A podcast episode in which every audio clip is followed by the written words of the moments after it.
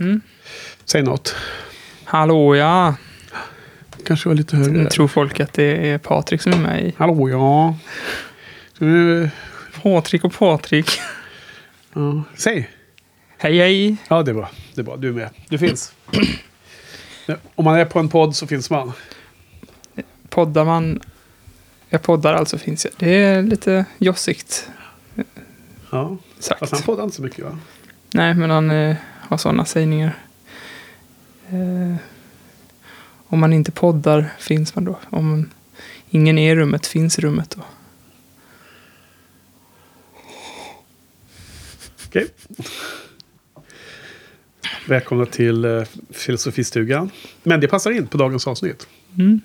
Har du sett att jag ser ut som Gustav Vasa idag? Ja. Har du använt uh, skäggklet Ja, men det gör jag alltid, men jag var Skäggsås? soupcatcher. Eh, Varför kör, vad har du gjort där då? det Har Linnea gjort det på det? Nej, det var en frisör som eh, använde sån här... Wing. Vad heter det? Plattång? Hårspray? Nej, hårtork. Heter det? Nej, Ja. Heter- Hårfön. hårfön ja. Och eh, borstade väldigt frenetiskt. Och hade en massa krämer i. Jag tycker att det är sådär. Jag gillar inte Gustav Vasa-stilen. Det är lite härligare när det blir, när det liksom går Ja, för jag sa... könshår det För jag- krullas upp jag- sig. Jag bytte barberare för att eh, den förra var så dålig. Den här var också dålig. Den har fått bra betyg, men Men han, han var för mycket för Gustav Vasas ti- tiden. ja, så vi får väl vänta ett Ja. halvår till får vi se nästa barberare han har. Han har friserat hela vägen runt och glesat ut det lite och sådär och så eller? Inte glesat ut det, men han har ju gjort det rakt. Ja. Och väldigt långt liksom. Jag vet inte. Jag vet inte vad han håller på med. Nej, det är fint. Nästan värt att ta en foto på det. Gustav Vasa. Gustav Vasa-stilen. Jag hoppas att det går över när man duschar. Ja, men det tror jag. Jag använder ju inte um, sån här skäggsås alls. Vill du ha en av mig eller? Jag, jag har cirka tio stycken som jag inte använder för att jag har gått igenom och jag tycker inte någon luktar gott. Så jag har hittat en som luktar gott så använder jag bara den. Alltså jag är, ju lite allergisk mot, eh, alltså inte bokstavligen utan jag är lite så här anti. Känslig. Eh, jag är lite så här känslig mot de dofterna tar det i näsan hela tiden. Så Ja. jag har ju en väldigt bra deodorant men den är ju liksom doftlös. Det är har mitt, också en det är mitt, det är mitt val. Och det är liksom här vanlig, vad heter typ Nivea för att det ska vara så eh, eh, vad heter det, milt som möjligt för huden och sådär. Och det, det tycker jag är perfekt alltså. Ja, jag, jag har samma sak. Och eh, det är ju, man har ju i mustaschen till exempel, det är ju precis under Ja. näsan. Så vad man än har där kommer man få leva med det resten av dagen sen. Ja, herregud. Då måste man verkligen älska den doften om man ska ha en sån. Ja, men det finns ju doftfria också. Mm. Jag fick sån där sås i skägget en gång när jag var i Kista där. Och, och det var ju klart. Då blev det ju liksom lite format och lite så här mer styrsel på det. För mitt kan ju bli ganska burrigt om man bara låter det vara. Mm. Men jag vet inte, men jag var inte så övertygad. Jag var inte så, jag var inte så insåld på det så jag går och köper en dyr produkt för det i alla fall. Lite olja tycker jag, det är nice. Det är din grej. Men alltså jag, det blir så stort här under hakan på mig, så det är mitt problem. Jag vill att de ska glesa ut det här, för det blir som en stor liten boll här som hänger här. Det, Det blir som värsta pungen som hänger av bara liksom, skägg under hakan. Får du så? ja, men det det, gäller ju bara att vänta ut den pungen tills det blir vanligt skägg. Ja, så, så du kör Gustav Vasa på den sen. Sträcker ut den. ja, Sträckt pung. ja, precis. Nej, men det, det här de brukar ta då. De, de håll, behåller här, va? men så tar de, tar de här under. För det blir också, på sommaren blir det så jävla varmt, så det måste det bort. Mm. Okej, skitsamma. Vi ska dra igång. Vi ska köra 14 avsnittet.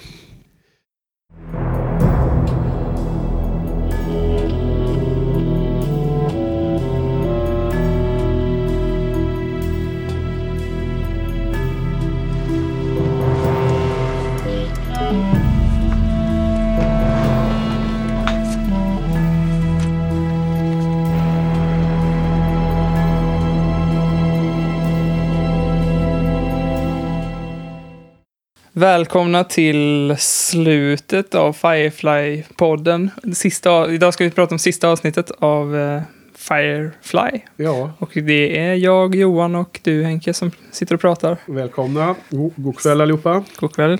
Sista avsnittet är skrivet och regisserat av Joss. Ja, det är skrivet tillsammans med Tim Minear. Mm -hmm. Men regisserat av Joss. Så vi, vi inleder, eh, vi vi, vi inleder slutet nu. Så det är eh, sista tv-serieavsnittet som du sa. Och det är tredje sista poddavsnittet då. Ja. Vi har ju, nästa vecka har vi filmen att prata om. Och Serenity. veckan efter det, TV, liksom, tecknade serierna. Ja, då ska vi prata om The Comics och eh, så. Och wrap it up. Det ska vara lite party här.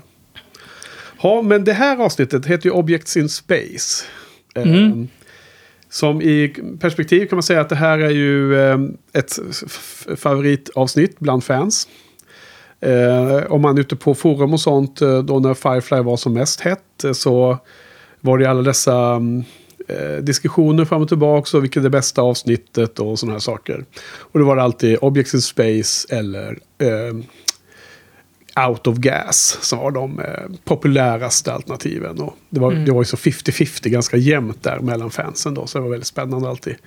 Se eh, eh, hur det föll sig. Mm. Så det här är ett av de riktigt tunga avsnitten. Mm. Eh, Det kan jag förstå. Ja, och jag, jag slås ju väldigt mycket av när man ser det den här gången nu då. Och nu har jag sett det tre gånger eh, inför den här poddningen. Att liksom det är ett så fräscht avsnitt. Det är som ett nytt format. Eh, och det blir så spännande att se. Eh, att inse detta. Och eh, man känner att Joss öppnar dörren för, för nya spännande saker. Att ta serien vidare i. Mm. Nya riktningar. Um, känner igen liksom en slags skapa glädje från Buffys bästa tider när, när formatet på avsnitten kunde liksom helt svänga från gång till annan. Och det blir helt nya grejer liksom som man aldrig har sett förut. Mm, det är lite lekfullt sådär. Och det är liksom extra eh, ironiskt nästan då eh, att det är liksom sist i boxen här nu då, då är det slut liksom där väl liksom. Där man öppnar och pikar på dörren och tittar på liksom något spännande där framme men, men det fick bli, bli intet då, då. Mm. Eller det fick bli en film några år sedan. Ja, precis. Och det ska väl nämnas också kanske bara att eh, det här avsnittet inte sändes sist eller ens var planerat för att vara sist utan Joss valde att lägga det sist, rätta mig om jag fel, på Blu-rayen för att eh, det kändes som ett, bra avslut på serien. Ja. Att, för att han eh, inte fick göra mer Firefly efter det här.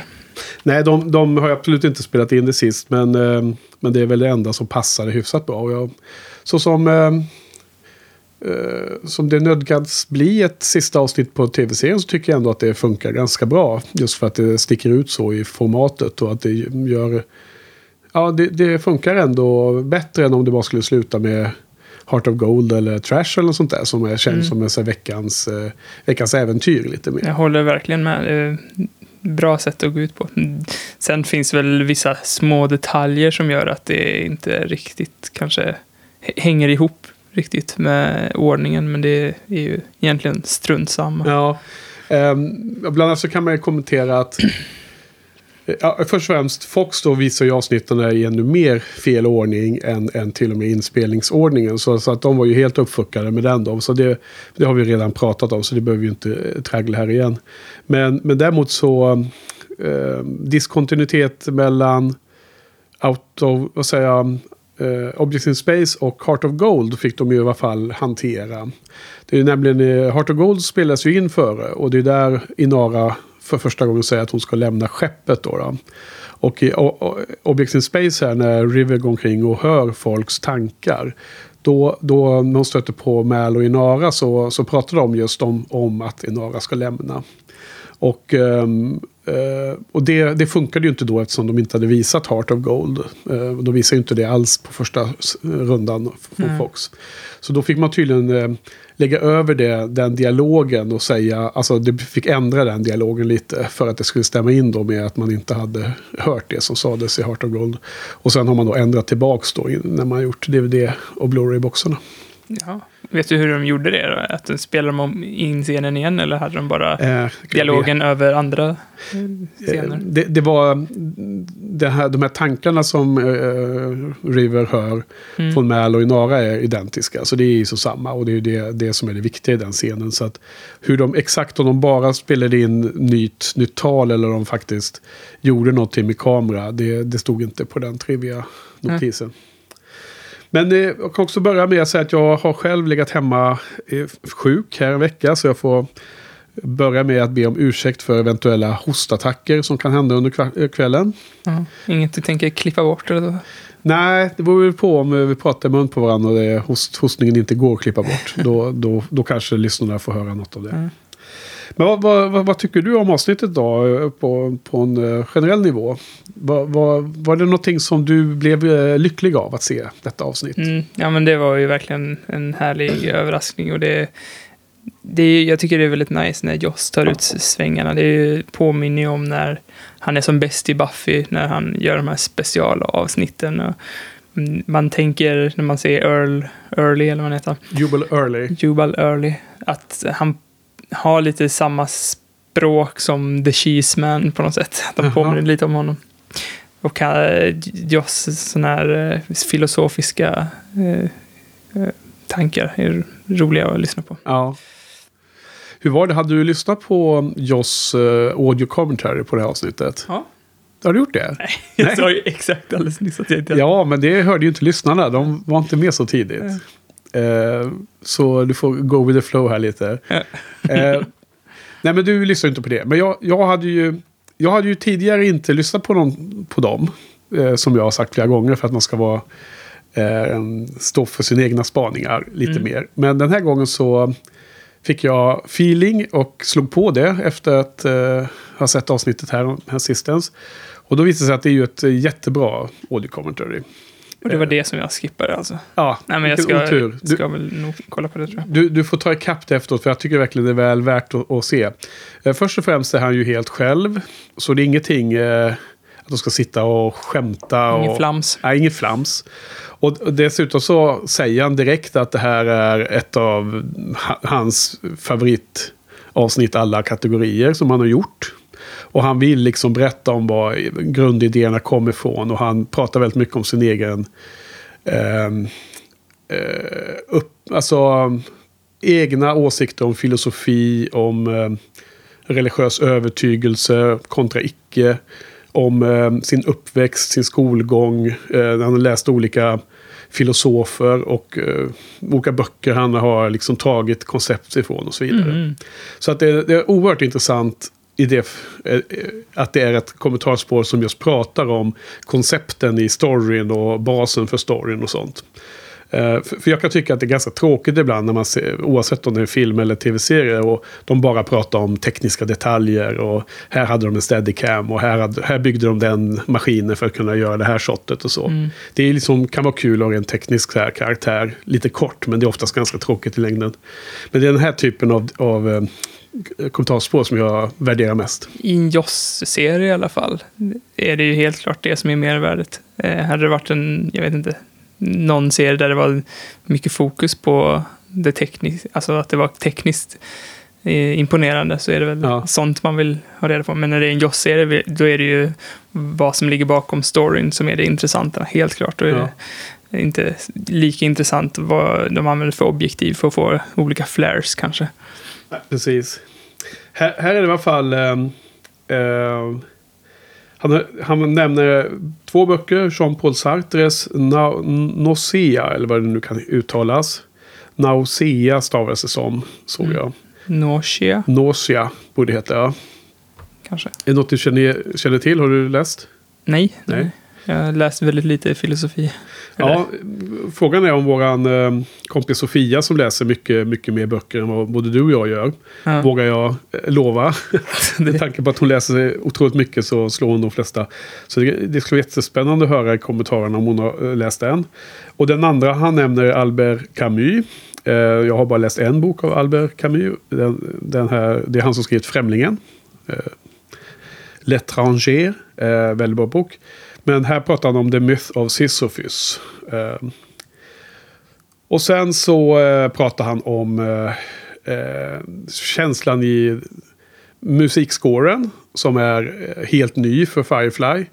Det är ju ju samma Greg Edmondson som har skrivit den, men eh, det här temat Jubal Early Theme. Det är så jävla Visst är nice. det bra? Alltså, är det fagotter de använder eller?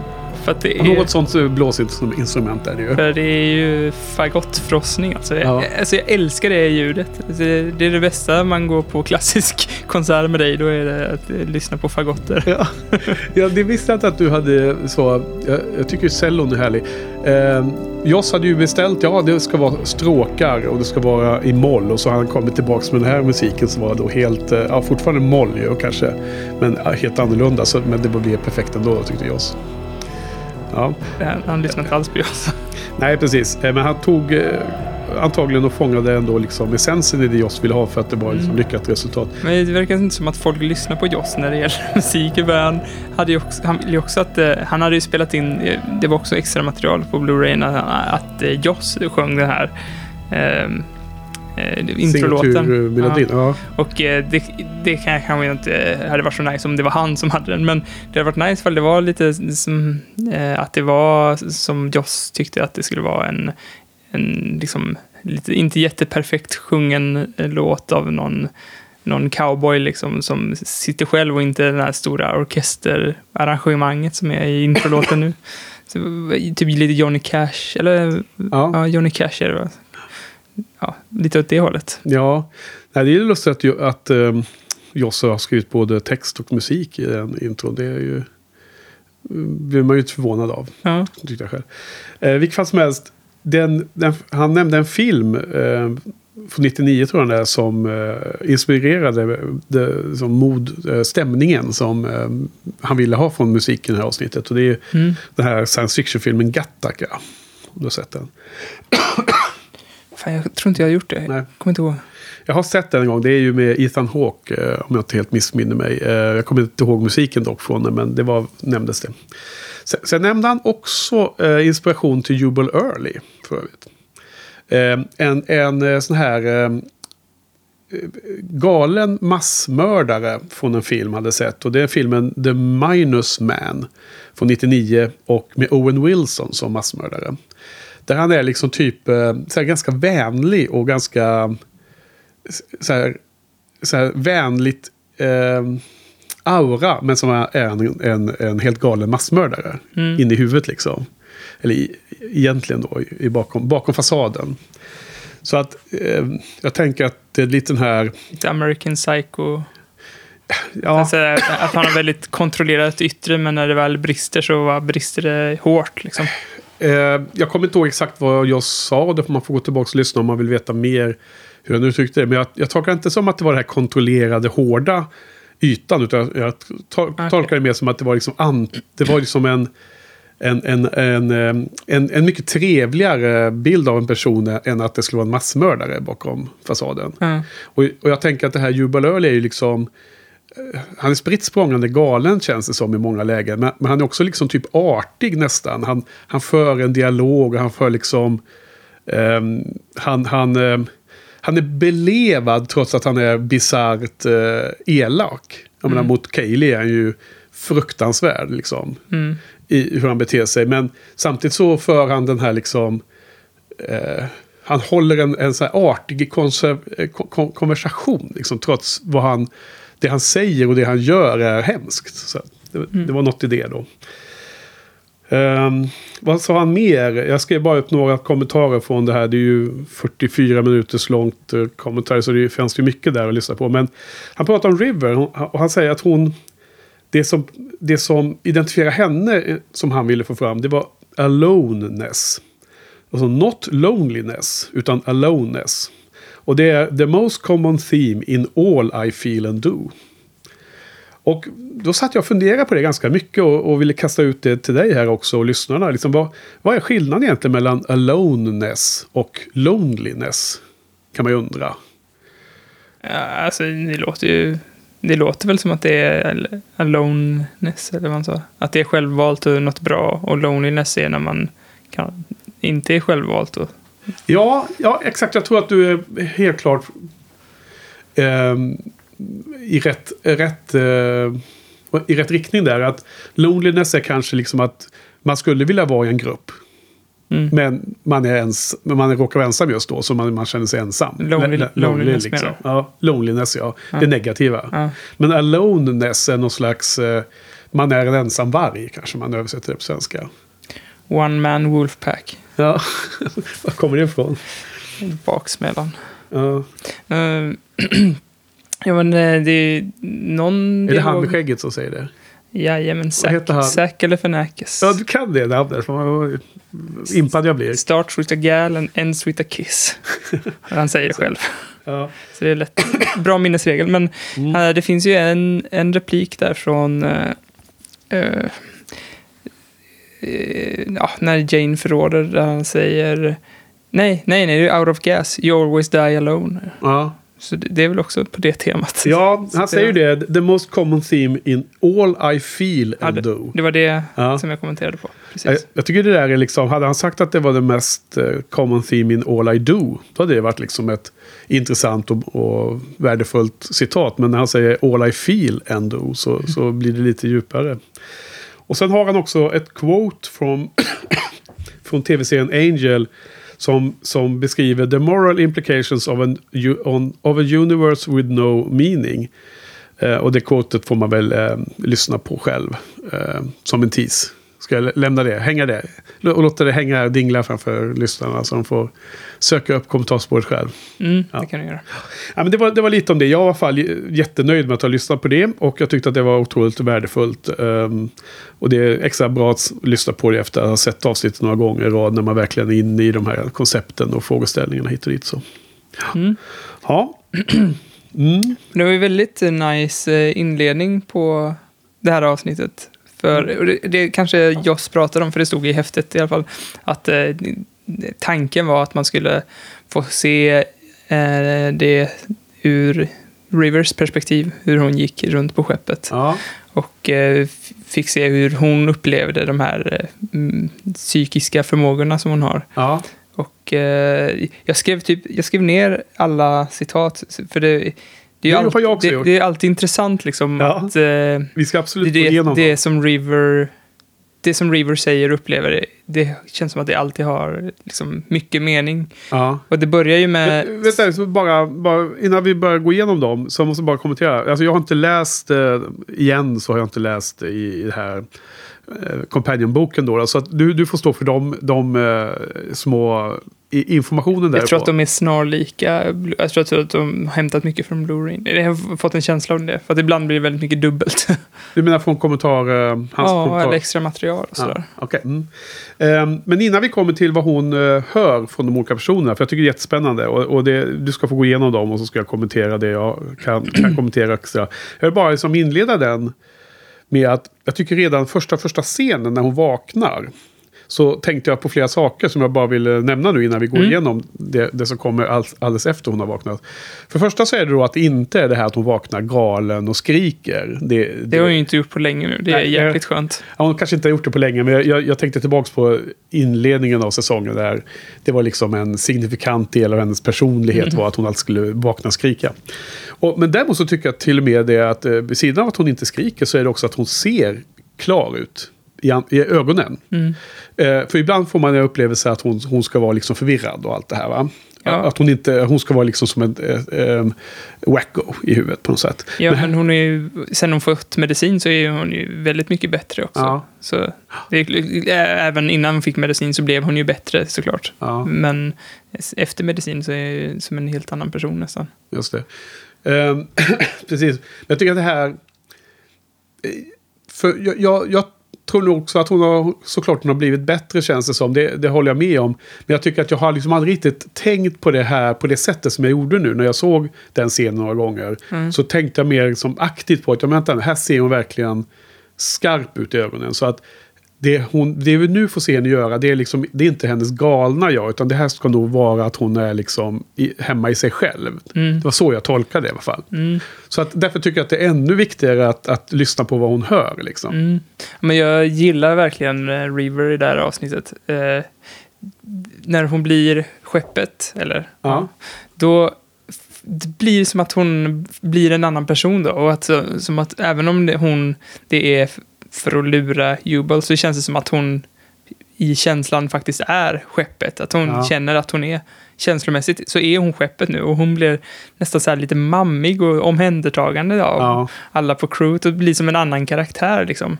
Precis, precis. något av hennes styrka visar sig genom att hon, hon blir den här mammiga känslan. Jag håller, alltså hon, hon får en beskyddande... Man känner att hon är beskyddande mot hela sin crew. Ja. Hon pratar om alla som bor i Serenity som att de bor i mig och sådär. Mm. Och, och, och det Som att hon är gr- gravid med crewet. Ja. Nej, men, precis, men det är lite som att hon blir som en lejonmamma över, över allting. Och, och det finns någon styrka i det som, som hon inte har kunnat få visa någon gång tidigare i serien. För att hon har alltid varit galen och skrikande eller liksom en, någon form av offersituation. Oftare. Mm.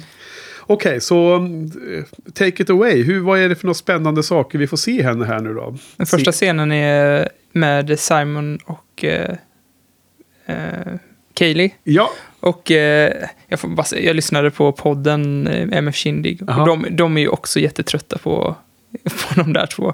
Men det här var, här var det va, ju va, va, på Simon och ah, Kaylee. är man trött på Simon och Kaeli nu? Den här scenen är ju...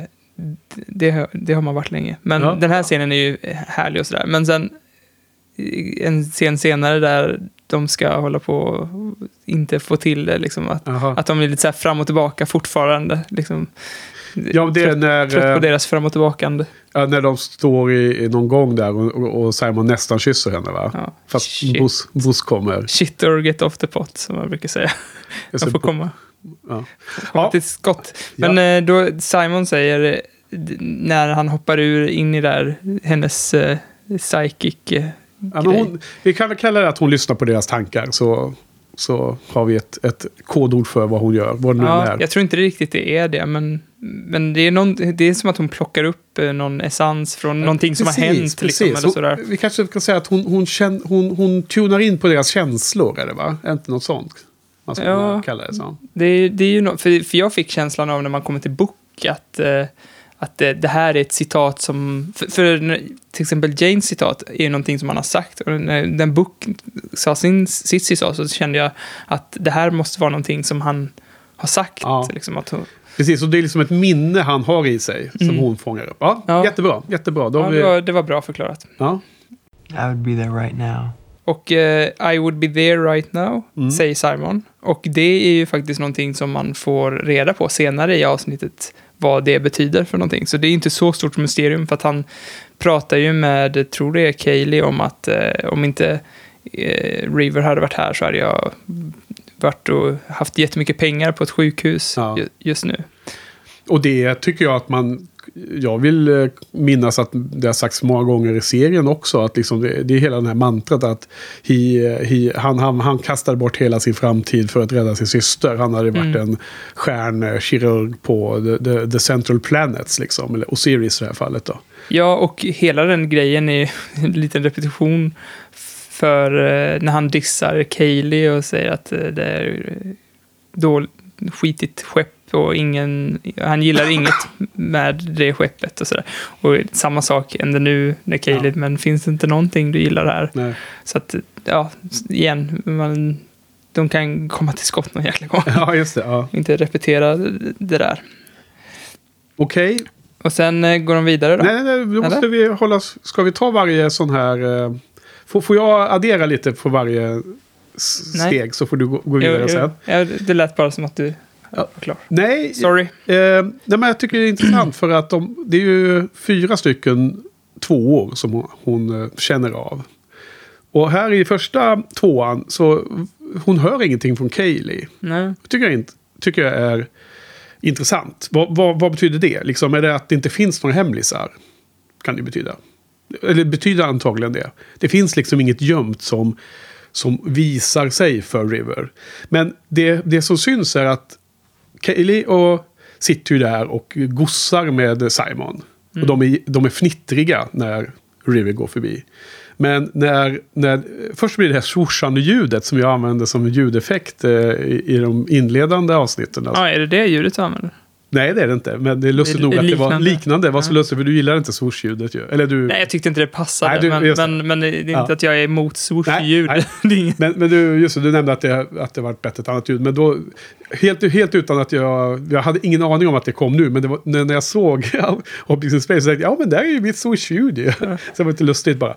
Men det blev ett swoosh-ljud och sen så eh, tittar båda liksom upp helt eh, förändrade. De är inte inne i den här fnitter, fnittriga tonaliteten längre. Och så, så säger Simon det som han har gömt i sig. Och Kaylee säger ingenting. Men hon ser jätte så här eh, allvarligt på eh, River. Och, och, eller allvarligt är nog fel, för jag tror att hon ser rädd ut. Så min tolkning är att Kaylee har ingen hemlis som ligger dold under lagren. Men hon, hon ser rädd ut när hon tittar på River. Så det är det Kaylee signalerar i den här scenen. För mig. Hon ser rädd ut när hon kollar på K- Kate. Ja, ah, just det. Kaylee ser Ja. rädd ut när hon tittar på River. Och anledningen till att hon är rädd är ju för det här med att River har skjutit tre personer Ja. hos Niska. Och det är ju fortfarande eh, River... Jag? Kaylee är ju fortfarande rädd för det. Och det kommer ju fram senare när River har hållit i pistolen och, och det här core-teamet i Kron håller på och pratar om. Hade det inte varit coolt fall, eh, fall hon hörde någonting om det? Att eh, typ River är ingen människa. Ja. Sånt där från Men- Kaylee. Absolut, men, men det kanske är lite för fin, finlir här från Joss. Men det är det jag tolkar den här scenen som att man ska se. Man ska se att det är det Kaylee har med sig. Liksom, det, är det, det är det den här signalerar. Det är den rädslan för River för att hon gjorde den där omöjliga saken med pistolen på, när de anfall Niskas komplex.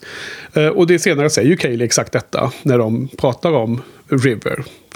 Du vet, när de sitter i köket. Jajamän, Mm. med. Ja, så det var mina kommentarer om Kaylee i det hela. Nu får du gå vidare till nästa, in, nästa duo som hon sveper det är förbi. Jane och Book, va? Ja, det har jag också med här.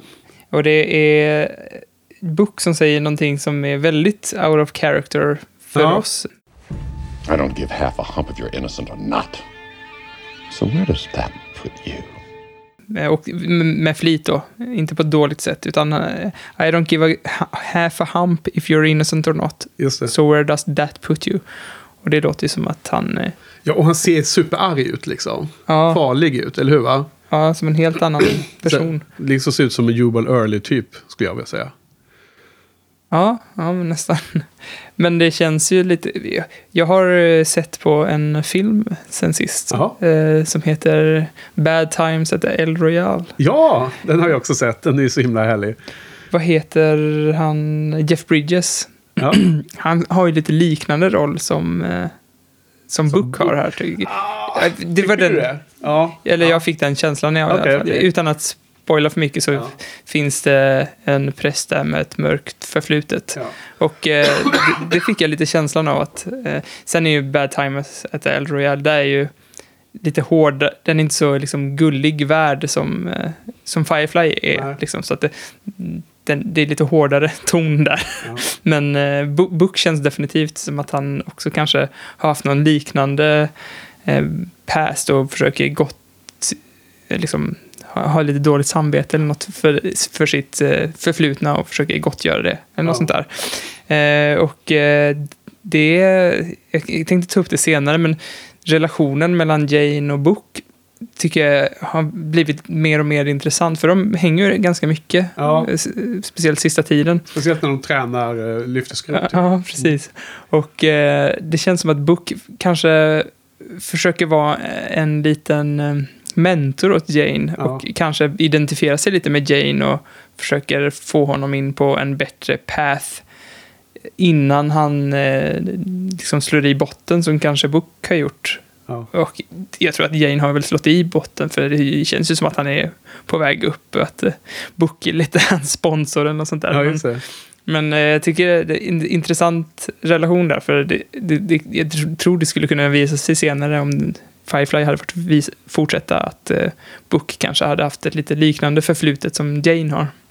Alltså det, det är ju uh, jättehärlig relation som har byggts upp framför ögonen på oss. Och utan att sätta fokus på den så har den bara fått liksom frodas lite som i, i periferin. Mm. Så jag tycker det är en jättehärlig relation. Ehm, nej men det här är ju fantastiskt eh, spännande och det fylls ju sen upp med när uh, Jubal Early som är så här superintuitiv. På, på gränsen till att han har liknande, eh, liknande typ av förmågor som River har nästan ju. Det sa Joss va, i Ja, men, kommentatorspåret. ja, för det har ju... Ja, det kanske han gjorde också, men det är också någonting som man alltid har vetat om Jubal Early så länge jag har varit intresserad av serien. Så att man läser Men jag tänkte, artiklar ja, hit och det var inte en anklagelse, det var mer att det befäster din teori liksom. Jo, nej, jag menar, det var, det var inte bara därifrån man har hört det menade jag. Utan det är ju någonting Nej, som jag, är... jag liksom- förstår det. Ja. Jag bara, det är en ytterligare spik i kistan. Ja, just det. fel Ja. uttryck, men ytterligare ett Nej, men det är... argument för att du har rätt i din Ja. spaning. Men vi kan eh, återkomma kanske till Jubals förrestens ana- eh, som eh, intuitiva tolkningar på olika folk. För det finns, något lik, det finns en spegling av Rivers resa. Ja, jag, jag Mm. tänkte också att uh, Jubel var eh, inte psychic. Jag tänkte mer att han var lite som, eh, som eh, I norra. Inara är. Att han var väldigt bra på att läsa av Ja. folk. Ja, och jag tror att det är nog mer nära. Jag tror att det, att det är så. Men att han är, har en otrolig känslighet. i- Och är liksom, så att det oftast beskrivs som att han har på gränsen till in, intuitiva liksom, förmågor. Det finns ju en film som jag tror att vi båda har sett där, där eh, eh, en eh, superhjälteförmåga förklaras genom att vara superintuitiv. Att man Jaha. kan förstå så här att om man har liksom eh, man ser någon som beter sig konstigt och sen har eh, någon dust från eh, eh, orange dust på sig så kan man lista ut liksom att han kanske har Vilken är det? Vi, vi kan ta det sen efter. Ja. Men du, eh, på tal om film. Du, du sa aldrig, vad tyckte du om eh, Bad Times at the El Royale då? En väldigt hoppig podd där, men det är som det brukar. Men eh, jag tyckte den var as-nice. Jag tyckte bara att det var så här eh, skönt. Eh, Från första scenen så var det så här, allt, det var långa tagningar, väl, alltså hög, hög produktionsvärde, väldigt snyggt allting. Ja. Och eh, alla spelade så himla bra, så jag, jag, jag kände bara så här, och alla var väldigt karismatiska. Så det kändes inte som att storyn behövde vara bra ens, för att Nej. jag var bara nöjd att vara i den Och världen jag, typ. och jag bara tyckte att det var, det var otroligt bra, härlig film. Jag tycker att liksom, det var inte Buffy, men det fanns liksom, eh, det fanns eh, små byggstenar eh, som gjorde Buffy bra som serie, som fanns med i hans film här. Ja, jag, Förstår, förstår du vad jag menar? Jag det hittade fanns, många likheter faktiskt. Men det var kanske för att jag... Med Firefly framförallt, till exempel Rose, som är en person i den filmen. Eh, väldigt lik River, betedde sig väldigt likt River. Och jag tänkte, och han, eh, Drew Goddard, som har skrivit och regisserat, Ja. väldigt imponerande. Sånt gillar jag.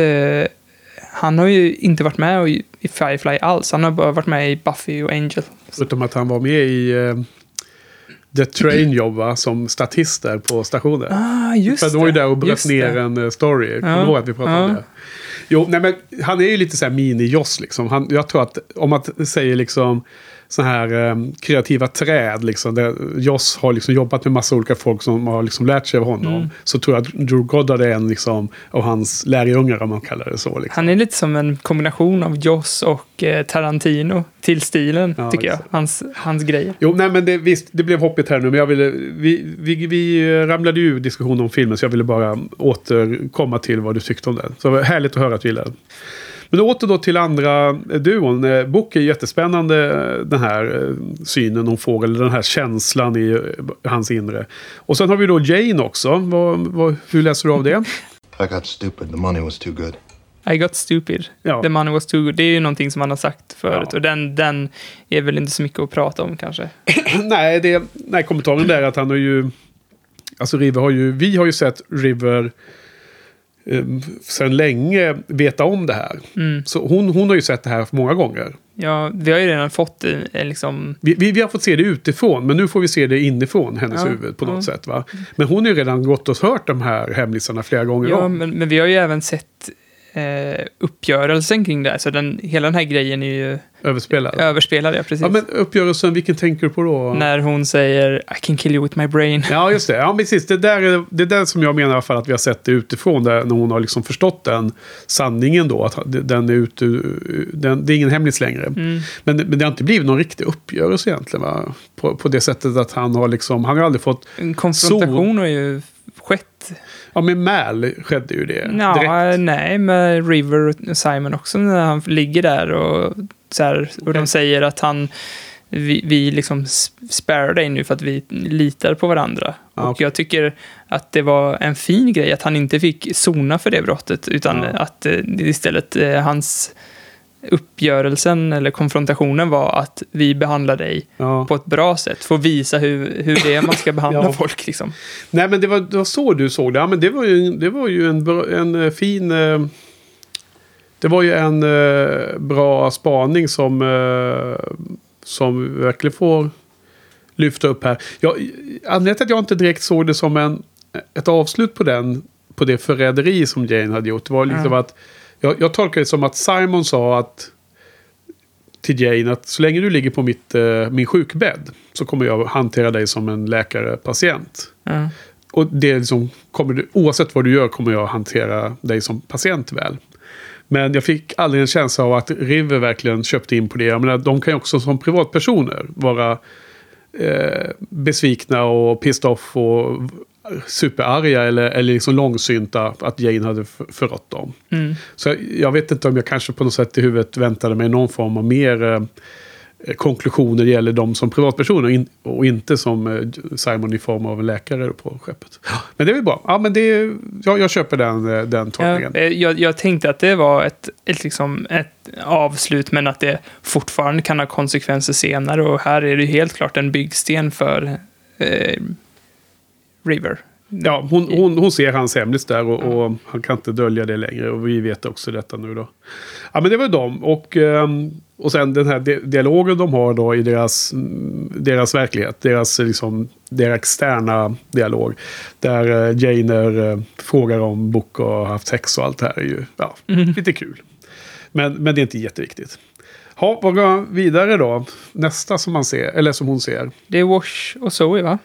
Just det, de, de som sitter och snuskar i pilotstolen. Ja, och där är det väl bara mer så här, känslan av att tredje hjulet eller något sånt där. Jag vet inte riktigt, för det var ju inte heller några riktiga... Nej, alltså jag tycker den är jättetydlig. Alltså hon hör ju havsvågor. Och man ser att hon får rysningar, ser det ut som. Och nästan liksom, hon börjar röra sig som att hon upplever det de upplever. Ri- River? River, ja. Hon, hon, hon, det hon får är att hon läser av känslan av typ upphetsning eller åtrå eller liksom kärlek. Ah. Och det är liksom de här havsvågorna som symboliserar det. Väldigt, väldigt bra, tycker jag. Ljudeffekten är perfekt. Men man ser också att River, hon liksom... Jag vet inte om hon, hon gnider sig på armarna eller vad hon gör. Det är liksom som man får en känsla av att, att liksom, hon får typ gåshud. Det så har jag skrivit i mina notes här. Rysningar kanske mer. Men vad, vad, vad betyder... Liksom, alla de här flashesen man får är ju, leder ju upp till att hon bestämmer sig för att lämna eh, skeppet. Eh, vem då? River. Jaha. Okej, det var en spännande tolkning. Okej. Hur menar Hur, du? hade du tol- hur tolkar du det här då? Eh, att hon... Eh, jag, jag har inte, eh, fortfarande ingen tolkning om att hon har bestämt sig för att lämna något skepp. Däremot hade hon en plan för att bli av med Jubel som lyckades. Kanske jag som har bara tänkte det och sen bara i mitt huvud har det blivit att det Alltså, ska vara så. hon säger ju till Jubel att jag lämnar över mig liksom.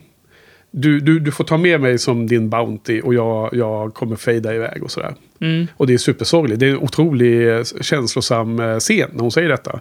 Men innan dess har hon ju bett Kaylee att ta sig fri och gå och, och släppa loss Mal. Som hon har berättat att han, han måste göra de här grejerna. Som är att ta på sig dräkten och gå ut och ställa sig i bakhåll för Jubel. Ja, det här händer ju långt efter. Ja, men allt det där händer ju efter hon... eh, Runt det att hon säger att hon ska Att följa blir- med. Det är very, very, crowded in here. Men Ja. Men jo, jo, men det här händer i slutet på, på avsnittet. Men, ehm, hon, så jag har, aldrig, jag har inte tolkat som att hon någonsin har bestämt sig för att lämna skeppet. Det, det har hon inte gjort på riktigt. Men liksom. kändes det som att det var barkade åt det hållet någon gång för dig? Ja, alltså det, det, det är inte när hon går runt och har de här... eh, Hör de här hemlisarna eller får de här känslorna överförda från de hon tittar på. Nej. Utan sen när hon, när hon tjuvlyssnar genom skeppets golv eller tak då mellan nivåerna. Ja. När hon står, hon står i någon spagat på, på någon stänger där. Ja. Och de core-teamet är i köket och pratar om River. Då, då känner hon sig utanför. Då, då blir hon ju utkastad ur familjen. Hon kommer ju in i familjen igen i slutet, i sista scenen. Som är så det, när det blir dammigt i rummet. När man sitter och gråter. Då, då, då bjuds hon ju in i familjen igen. När Mal bjuder in henne i Jag förstår. skeppet. Jag Ja. förstår. Men, men eh, så, så där blir hon ju liksom utfryst. Men jag, jag, har, jag har aldrig tolkat det som att hon liksom har bestämt sig för att de facto lämna familjen. Liksom. Okej. För eh, jag tror aldrig jag har riktigt formulerat det för mig själv. Jag bara tänkte att det var självklart att allt det som händer i inledningen är så här byggstenar som leder upp Ja. till typ när hon tjuvlyssnar.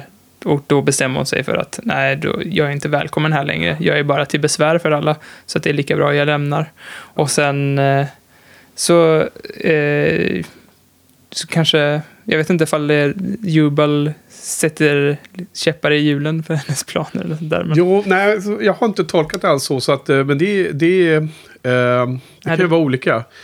Alltså, jag, jag tror att den bästa lögnen är ju 99% sanningen och sen ett litet ljug i slutet. En liten, liten del av, av en sanning blir den bästa lögnen. Så att när hon säljer in att hon känner sig utanför, att hon ska lämna och hon ska åka iväg med Jubal. Då säger hon ju eh, säkerligen en sann känsla. Och det, jag tror det är därför den lögnen, eh, den hemliga planen, funkar mot Jubal. För han sitter ju också nämligen och lyssnar på det här samtalet i köket ju. Han är ju ovanpå taket då och han lyssnar ju. Han har väl någon device, får man väl gissa, eller något sånt där va. Så han kan ju höra dem prata där inne. Han kunde ju höra det redan när han satt i sin Interceptor utanför. Så när han hör att hon, hon drar de slutsatser som, som, som vi alla drar, liksom att nu är hon ute i kylan. Så han, han köper ju att hon ska ge, ge sig. Men, men, så att hon måste ju hon måste sälja in det på så... Det måste ju vara så trovärdigt så han bara tror att han har vunnit nu. Det är ju bara att gå upp på, på den här... eh, Upp i den där luckan och sen ta sig upp till sitt skepp så har han vunnit liksom. Ja, alltså jag först- den planen förstår jag 100 procent. Ja. Liksom, jag, för, jag Men förstår, det förstår jag att du förstår också. men att hon liksom instruerar alla att hon har en plan och hon instruerar alla och hon har instruerat Mal att gå upp och liksom när hon ska försvinna så ska han putta bort eh, Jubal ute i rymden. Ja. Jag, jag, jag, jag, för, jag förstår det, men jag bara... Eh, känslan jag hade var typ att eh, hon hela tiden hade bestämt sig för att lämna och att Jubal, när Jubal, kanske i, när hon skulle dra, upptäckte Jubal. Men jag vet inte hur hon skulle dra, för hon var ju mitt ute i rymden också. Så att, men, Ja. nej, nej, jag, jag eh, har inte sett det så. Men- Men eh, helt klart så är hela den sista scenen så är de liksom eh, får ju uppskattning för varandra, både River för crewet och crewet för River och ser att hon faktiskt kan vara en tillgång och bra för dem också. Så. Ja, nej men så, att, eh, så jag tror faktiskt inte att... Jag kanske är liksom en liten downer här då, då men jag tror inte att eh, när hon går runt och känner av hemlisar och eh, känslor och sånt från eh, sina crew members här i början. jag tror inte att det är en tematisk historia som byggs upp. Utan jag tror att det är bara... Det, det enda Joss gör är att han visar hennes, hennes förmåga. Hennes eh, telepatiska förmåga. Jag tror det är det enda den säger. Ja, men det, det tror inte jag. För jag, jag tror ju att eh, vi som åskådare ska tro att hon har gett upp där. Att när hon säger till Jubal att ta med henne Ja. så är det meningen att vi också ska tro Ja, att hon vill också. det för att, för att Joss har byggt upp alla de här byggstenarna med hela den här inledningen där hon går igenom alla de här personerna och eh, även tjuvlyssnar så det känns helt rimligt. Så att jag Ja. tror att han bygger upp ett Jo, narrativ där jo, men- hon har den känslan liksom. Absolut, och det, det tror jag absolut att eh, dramat, dramaturgiskt i det här avsnittet ska vi så luras att... Eh, vi ska bli överraskade att eh, Mal dyker upp där bakom axeln på honom. Men allt det där sker ju när eh, River tar ett laddat vapen. Det, det är ju det som är problemet. Det är ju inte problemet, det är ju ingen som vet om att hon lyssnar på Books gamla minne från när han hotar någon till livet. Eller de här andra sakerna som hon hör och de här hemlisarna hon får reda på. Det här, vi har inte ens kommit fram till Mallory Naras hemlisar. Det får vi också gå igenom. Det, det är liksom inte det som de står och är, är bekymrade över när de har rådslag i, i köket. Utan det är att hon hade det här vapnet helt plötsligt. Kunde ha skjutit ihjäl någon liksom. Uh, förlåt, jag hängde lite. Men, uh, vad var argumentet? Nej men, jag, jag, jag tror att när hon går, hon går som en liten resa genom skeppet. Ja. Eh, och hon lyssnar på alla åtta andra personerna. Mm. Eh, det, är, det är, syftet med det är att vi ska få lära oss vad hon kan. Vad hon, att hon kan göra detta. Att hon mot sin vilja till och med gör detta hela tiden. Hon kan inte undgå att göra det. Nej. Men det vi hör bygger inte upp en story som leder fram till andra halvan av, av det här avsnittet. Andra halvan av avsnittet, hela den problematiken med att eh, de är oroliga för River och allt det här med att hon ska mm, följa med. All den här storyn med att hon ska följa med Jubel och så. Det har att göra med att hon har, har det här vapnet. Den här Objects in Space som hon håller i handen. Den här grenen som sen helt plötsligt är en vapen. Ja. Det betyder ingenting för henne. För henne kunde det lika gärna vara en kvist. Men för alla andra är det ett jätteproblem.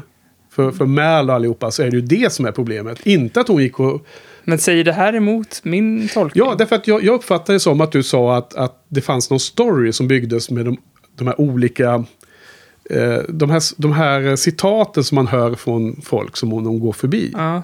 De, de, de är intressanta i sig för, det, för det, det, det säger något om bakgrundshistorierna runt alla karaktärerna. Ja. Men det bygger inte upp i, inom Objects in Space-avsnittet. Liksom, det är inte det som gör att, att de vill kasta ut henne eventuellt. Nej, nej. Det, var jag- så det jag, det var så jag, jag tolkade det, var, att du... det var inte så jag menar. Jag Nej. menar att de här byggstenarna eh, bygger upp en sorg hos River som liksom cementeras eh, i den här scenen där hon tjuvlyssnar. Att narrativet är att hon där, när hon har hört alla de här Mm. så blir hon ju ledsen och springer ut och gråter och säger It's getting very crowded in here. Ja. Som antyder att, hon, att det är för mycket folk, att hon inte har någon plats där längre. Och sen så tjuvlyssnar hon på dem och då är det cementeras ännu en gång att eh, hon känner sig utanför och, och är ett problem eh, mer än en tillgång. Och sen så vänder hon på allting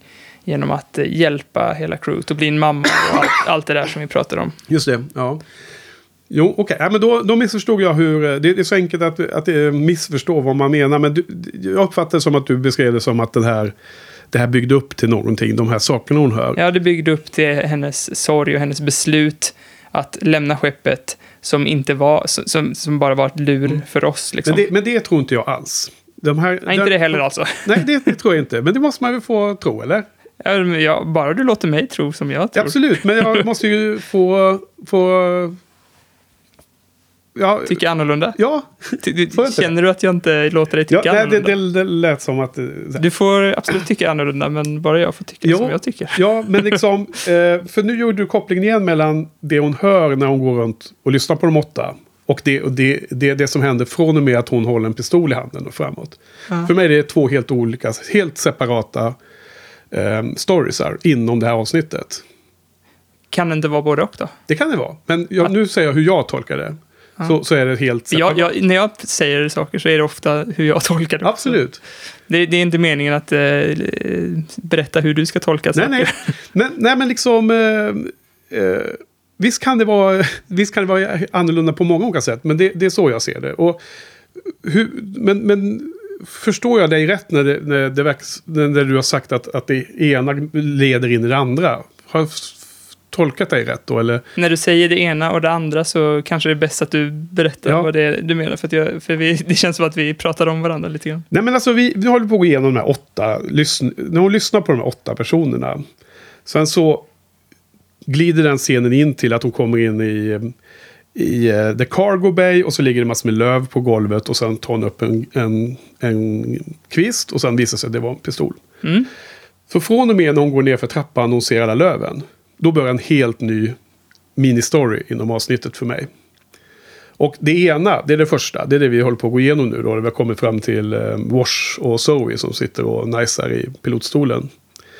Och det är det ena. Och det andra är när hon tar upp den här saken som hon bara tycker är en sak. Men, men det är en pistol och det är farligt. Och alla andra är helt upset. Och hon blir trängd. Hon, hon springer därifrån efteråt och tycker att nu är det för många folk som håller på att tjata här på mig. Ungefär. Springer undan. Det, det är liksom en helt annan sak som händer. Och det är det som gör att hennes crewmedlemmar, kompisar pratar om henne som ett problem. Som kan hon verkligen vara kvar på skeppet överhuvudtaget?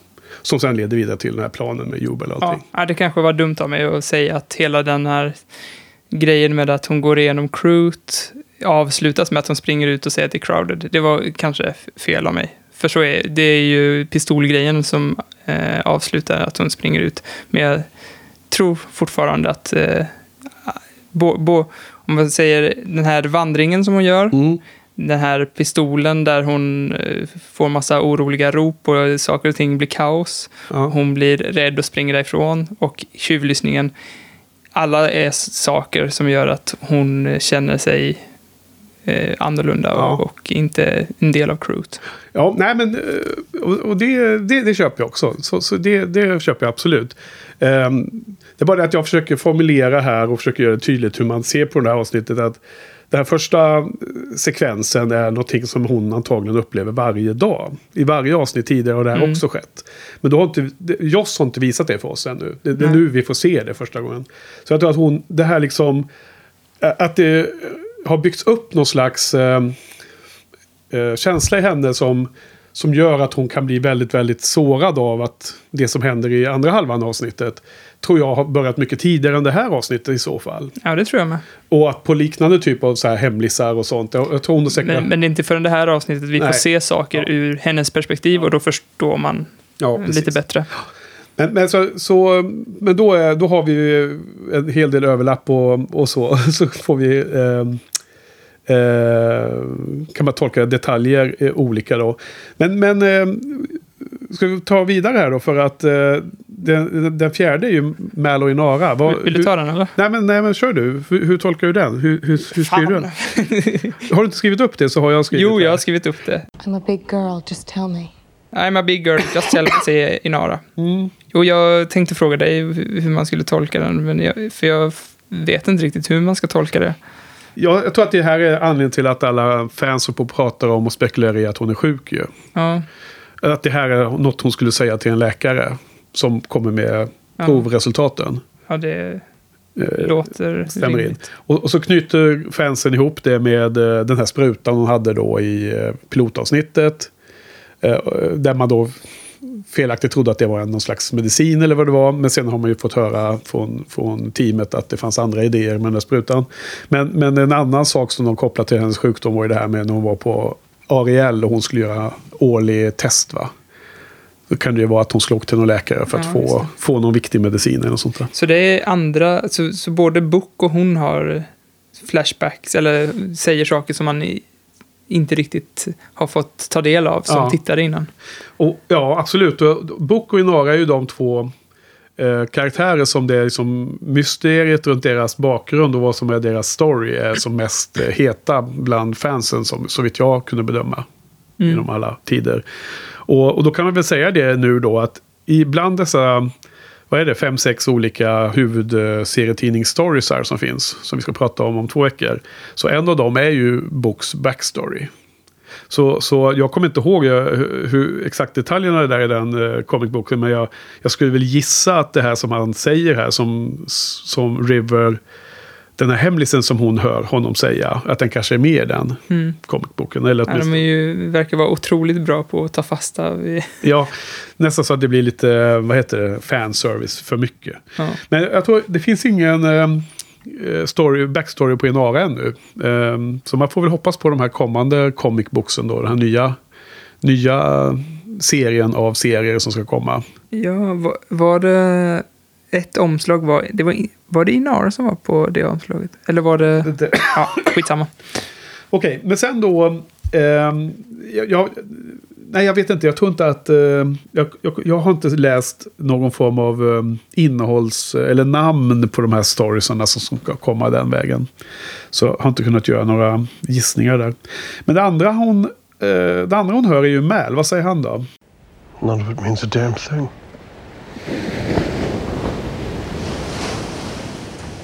Ja, och vad kan det betyda då? D- där har jag i alla fall en gissning. Eh, jag, och den är också svårtolkad tycker jag. Men jag, jag, det känns som att det bara är en liksom... En, den känslan som man har liksom, i sig. Ja. Att eh, inget, inget be, betyder någonting. Liksom. Jag, jag, jag, jag, jag tror att det är... eh, Då får man veta att först och främst så det de pratar om innan man, hon får höra deras innersta. Det är ju... Eh, Mal frågar Nara om hon- hon har bestämt sig. Hon skulle hoppa av på någon viss planet. Och när ska de berätta det för de andra? Att Inara ska lämna. Så det är ju liksom kontexten. Och eh, då tror jag att eh, none of it means a damn thing. Det är hans känsla i sig som blir eh, av eh, ja, insikten att Inara ska lämna skeppet. Tänker jag. Ja, ja, det låter rimligt. Men jag, jag tänkte nog att så här, alla hade liksom en specifik händelse som de Ja. eh, var quoted från. Så att, att det här skulle ha med Inara att göra makes väldigt mycket sens. Eh, men samtidigt så, är, om man ska se rent tekniskt på det, så hände ju det eh, efter, efter det här avsnittet, om man ska se det för hur det skrevs och sändes i... Liksom, Vad hände efter? eh, det som hände när Inara säger att hon ska lämna Firefly, Ja. eller Serenity, det händer ju efter, efter det här avsnittet egentligen. Om man ska se hur det är skrivet. Nej, Nej, men alltså... mm, Det, hon säger det första gången i Heart of Gold. Och det, det var tänkt vara före Gas. Eller vad säger jag, Objects in Space. Är du säker på det? Ja, det var det vi pratade om tidigare i podden här ju. Att de fick ändra på texten för att det inte sändes i den ordningen av Fox. Och sen Men, har det Okej, ändrat- var det den här texten? Ja, på, på DVD är det ju rätt. Det är den, den rätta texten som det skulle vara. Jo, men vad är det... Är den här just den, det quotet? Eller var det bara dialogen som var, ledde upp till det quotet Eh. som var mellan Inara och honom? Det enda de ändrade på var den eh, talade dialogen. Ingenting om de här eh, i huvudet i quote och så. Det var identiskt. Men, men poängen var att eh, av- så här, Heart of Gold hade de spelat in redan. Och, och i Joss tidslinje så kom Objects in Space efteråt. Och då, då fanns det anledning av dem att redan prata om att Inara skulle lämna. Men i Fox eh, sändning på tvn så skippar de ju helt att visa Heart of Gold. Och då var de tvungna att gå post-production, ändra lite där för att det skulle make sense. Okej. Så uppfattade inte jag det när jag läste. Ja, det spelar ingen roll. Jag uppfattade det som att eh, Joss bara slängde in avsnittet sist på DVDn, eh, på Blu-rayen liksom. För Jo, att det, men, det, men det, det är andra avsnitt som ska vara efter. Inte Heart of Gold just. Heart of Gold och Objects in Space skulle komma i den ordningen. Och det är andra avsnitt som, som eh, skulle kunna kommit efter i så fall. Okej. Ja, ja. Det, det, Men, det, det eh, kan man ju reda ut. Man, det finns ju någon sajt där man ser produktionsnumren på de avsnitten. Då kan man se vilken Ja, ordning de har det spelat spelar in. egentligen inte så jättestor Nej. roll. Det var bara att Men- jag men- tänkte att det var mer en Alla andra hade en väldigt specifik händelse Ja. medan hans var liksom hans generella känsla. För han, eh, vi har ju pratat om att hans personligheter lämnade honom och kom tillbaka i form av ett cr- crew. Liksom. Så eh, ja, Ja, just det. ja, nej, han, han, eh, han känner väl efter... Den känslan är väl något som han... Det är väl förväntningen av hur det ska kännas när hon har lämnat. Han, han kan väl liksom... Han kan väl känna den sorgen även innan hon har fysiskt lämnat.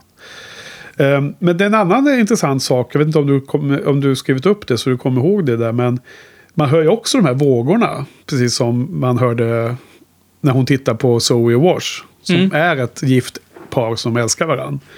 Och jag tror att de vågorna igen symboliserar de här starka kärlekskänslorna mellan Mal och Inara. är det liksom eh, ett känt... Eh, en känd symbol för kärlek, vågor? Eller? Nej, eller nej. vedertagen symbol menar jag. Ja. Nej, det är väl inte det. Eller?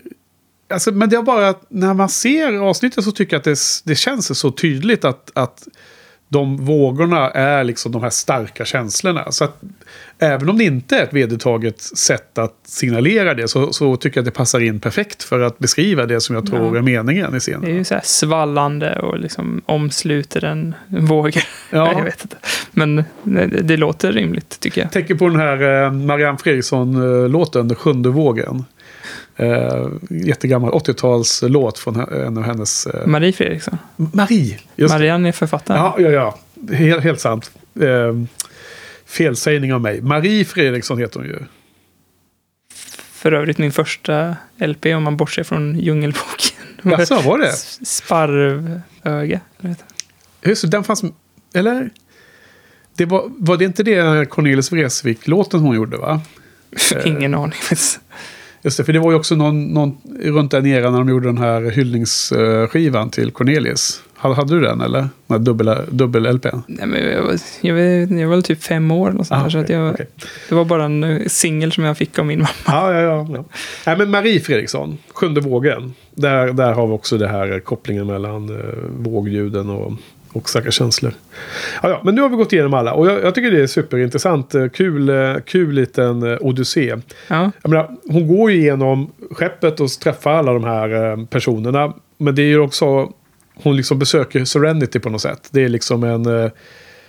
Eh, det, det är så mycket i det här avsnittet som gör att det passar som sista. Om man nu måste välja ett av de här 14. Och en av sakerna är just att hon går genom skeppet. Det är nästan som att hon tar far, farväl Ja. för oss. ja. Och sen blir det en spegling då när Jubel går ju också genom skeppet. Och möter alla de här personerna, mer eller mindre då alla, på olika sätt. Ja, Han möter inte exakt alla, men, men det var ju den andra spaningen som jag tänkte man kunde ta upp. Eh, som jag har skrivit här. Har du också tänkt på det, eller, eh, eller ska jag ta den? Att eh, han går igenom... Jag menar, dels att han går lite som River, det är en spegling tycker jag. Ja, nej, det har jag inte tänkt på. Det enda som jag tänkte på var, de pratade om det i MF Kindig, att Ja. Joss hade svårt att liksom, han tänkte att det här avsnittet skulle skriva sig själv, men hade, det, han hade lite skrivkramp, så han gick igenom sättet, precis som River. Just det, det, det sa liksom han. Fick inspiration, och så var det någon incident med någon vakt där också, va? Ja, precis. Det här pratar han på The Commentary. Mm. Det var en jättekul eh, anekdot att han precis som han gjorde i Buffy, så när han, han, han gick för att vara i miljön så kom han på mycket bättre vad, vad han ville säga liksom. Mm. Och att han kommenterade om Buffy också tyckte jag var kul. Det är ju väldigt bra att de hade sånt bra sätt, alltså man verkligen kunde röra sig genom, för skeppet är ju i princip uppbyggt som Ja, det ska vara liksom. det, det är två plan, så det, de är två bredvid varandra. De är inte över, men, Aha, okej. men det är två bredvid varandra och man kan gå igenom hela ena planet och hela andra planet. Så de är helt byggda i, i, rätt storlek och allting. Så de är riktiga rum. Det var ju någon viktig, viktig poäng som de säger om och om igen. Så det är coolt. Men jo, vad jag tänker på är att eh, Jubel är ju då, som jag vill, vill säga, intuitiv. Men han kanske är bara superobservant då. då. Eh, du eh, hänvisar lite till Inaras typ av kompetens. Och Saffron för övrigt har ju samma typ av kompetens. Saffron var det jag tänkte med serietidningen. Det var någon tjej i alla fall på framsidan av någon Just det. Saffron skulle det vara en story om. Det stämmer nu. Okej. Nu när du säger det så, så klickar det till. Ja, det har jag nog hört faktiskt. Jag har faktiskt hört om Saffrons bakgrund. Bak, backstory var det va? Ja, det kanske inte är helt omöjligt att man får en Inara också. Ja, vi får hoppas. Men i alla fall, åter till Jubel. Det är som att han, han tar hand om de personerna. Alltså tar hand om, jag menar han, han eh, agerar mot de olika personerna han träffar i skeppet på olika sätt. Mm. Han agerar med dem på specifika sätt liksom. Och jag menar, det hemskaste är ju hans scen med Kaylee. Som är ju otroligt smärtsam. Den är ju så hemsk tycker jag. Ja. Och först, och, så, så, där är han ju, han är ju så överlägsen fysiskt så han, han, han tar ju sin tid med henne. Och först så hotar han ju om att göra sönder motorn. Och vi tänker direkt på Out of Gas. Han säger någonting om den här motorn har en miljon delar och jag tar bara loss en så liksom slutar den gå. Och den är hjärtat på, på skeppet. Och det är ju hennes liksom hemmaplan. Så han hotar ju direkt om det. Och sen hotar han ju henne med våldtäkt och, och, och, och död. Ehm, och hela den här scenen med uh, Jewel State där och, och med tåren och allt sånt där. Jag, jag tycker det är superstarkt. Alltså. Ja, Joel är ju också jättebra. Ja. Och Jubel, han som spelar Jubel är också jättebra.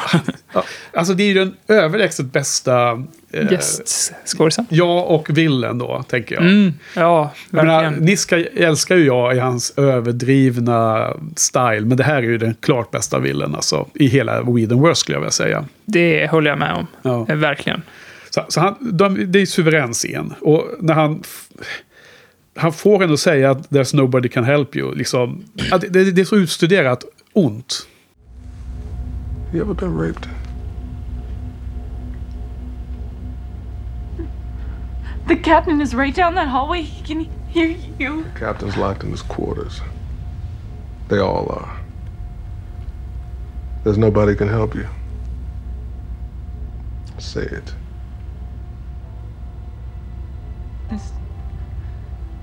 There's nobody can help me. Så här. Sen så möter han ju på både Book och Mal. Slår han ju ner så fort han kan. Alltså båda de ser han ju direkt att det här är liksom utmanare om att fysiskt eh, vara hot mot mig. Tänker ju Jubel direkt. Så Mal slår han ju ner efter en ganska kort fight. Mal förlorar. Och eh, Book som är ute och går med eh, borsta tänderna eller vad han gjort.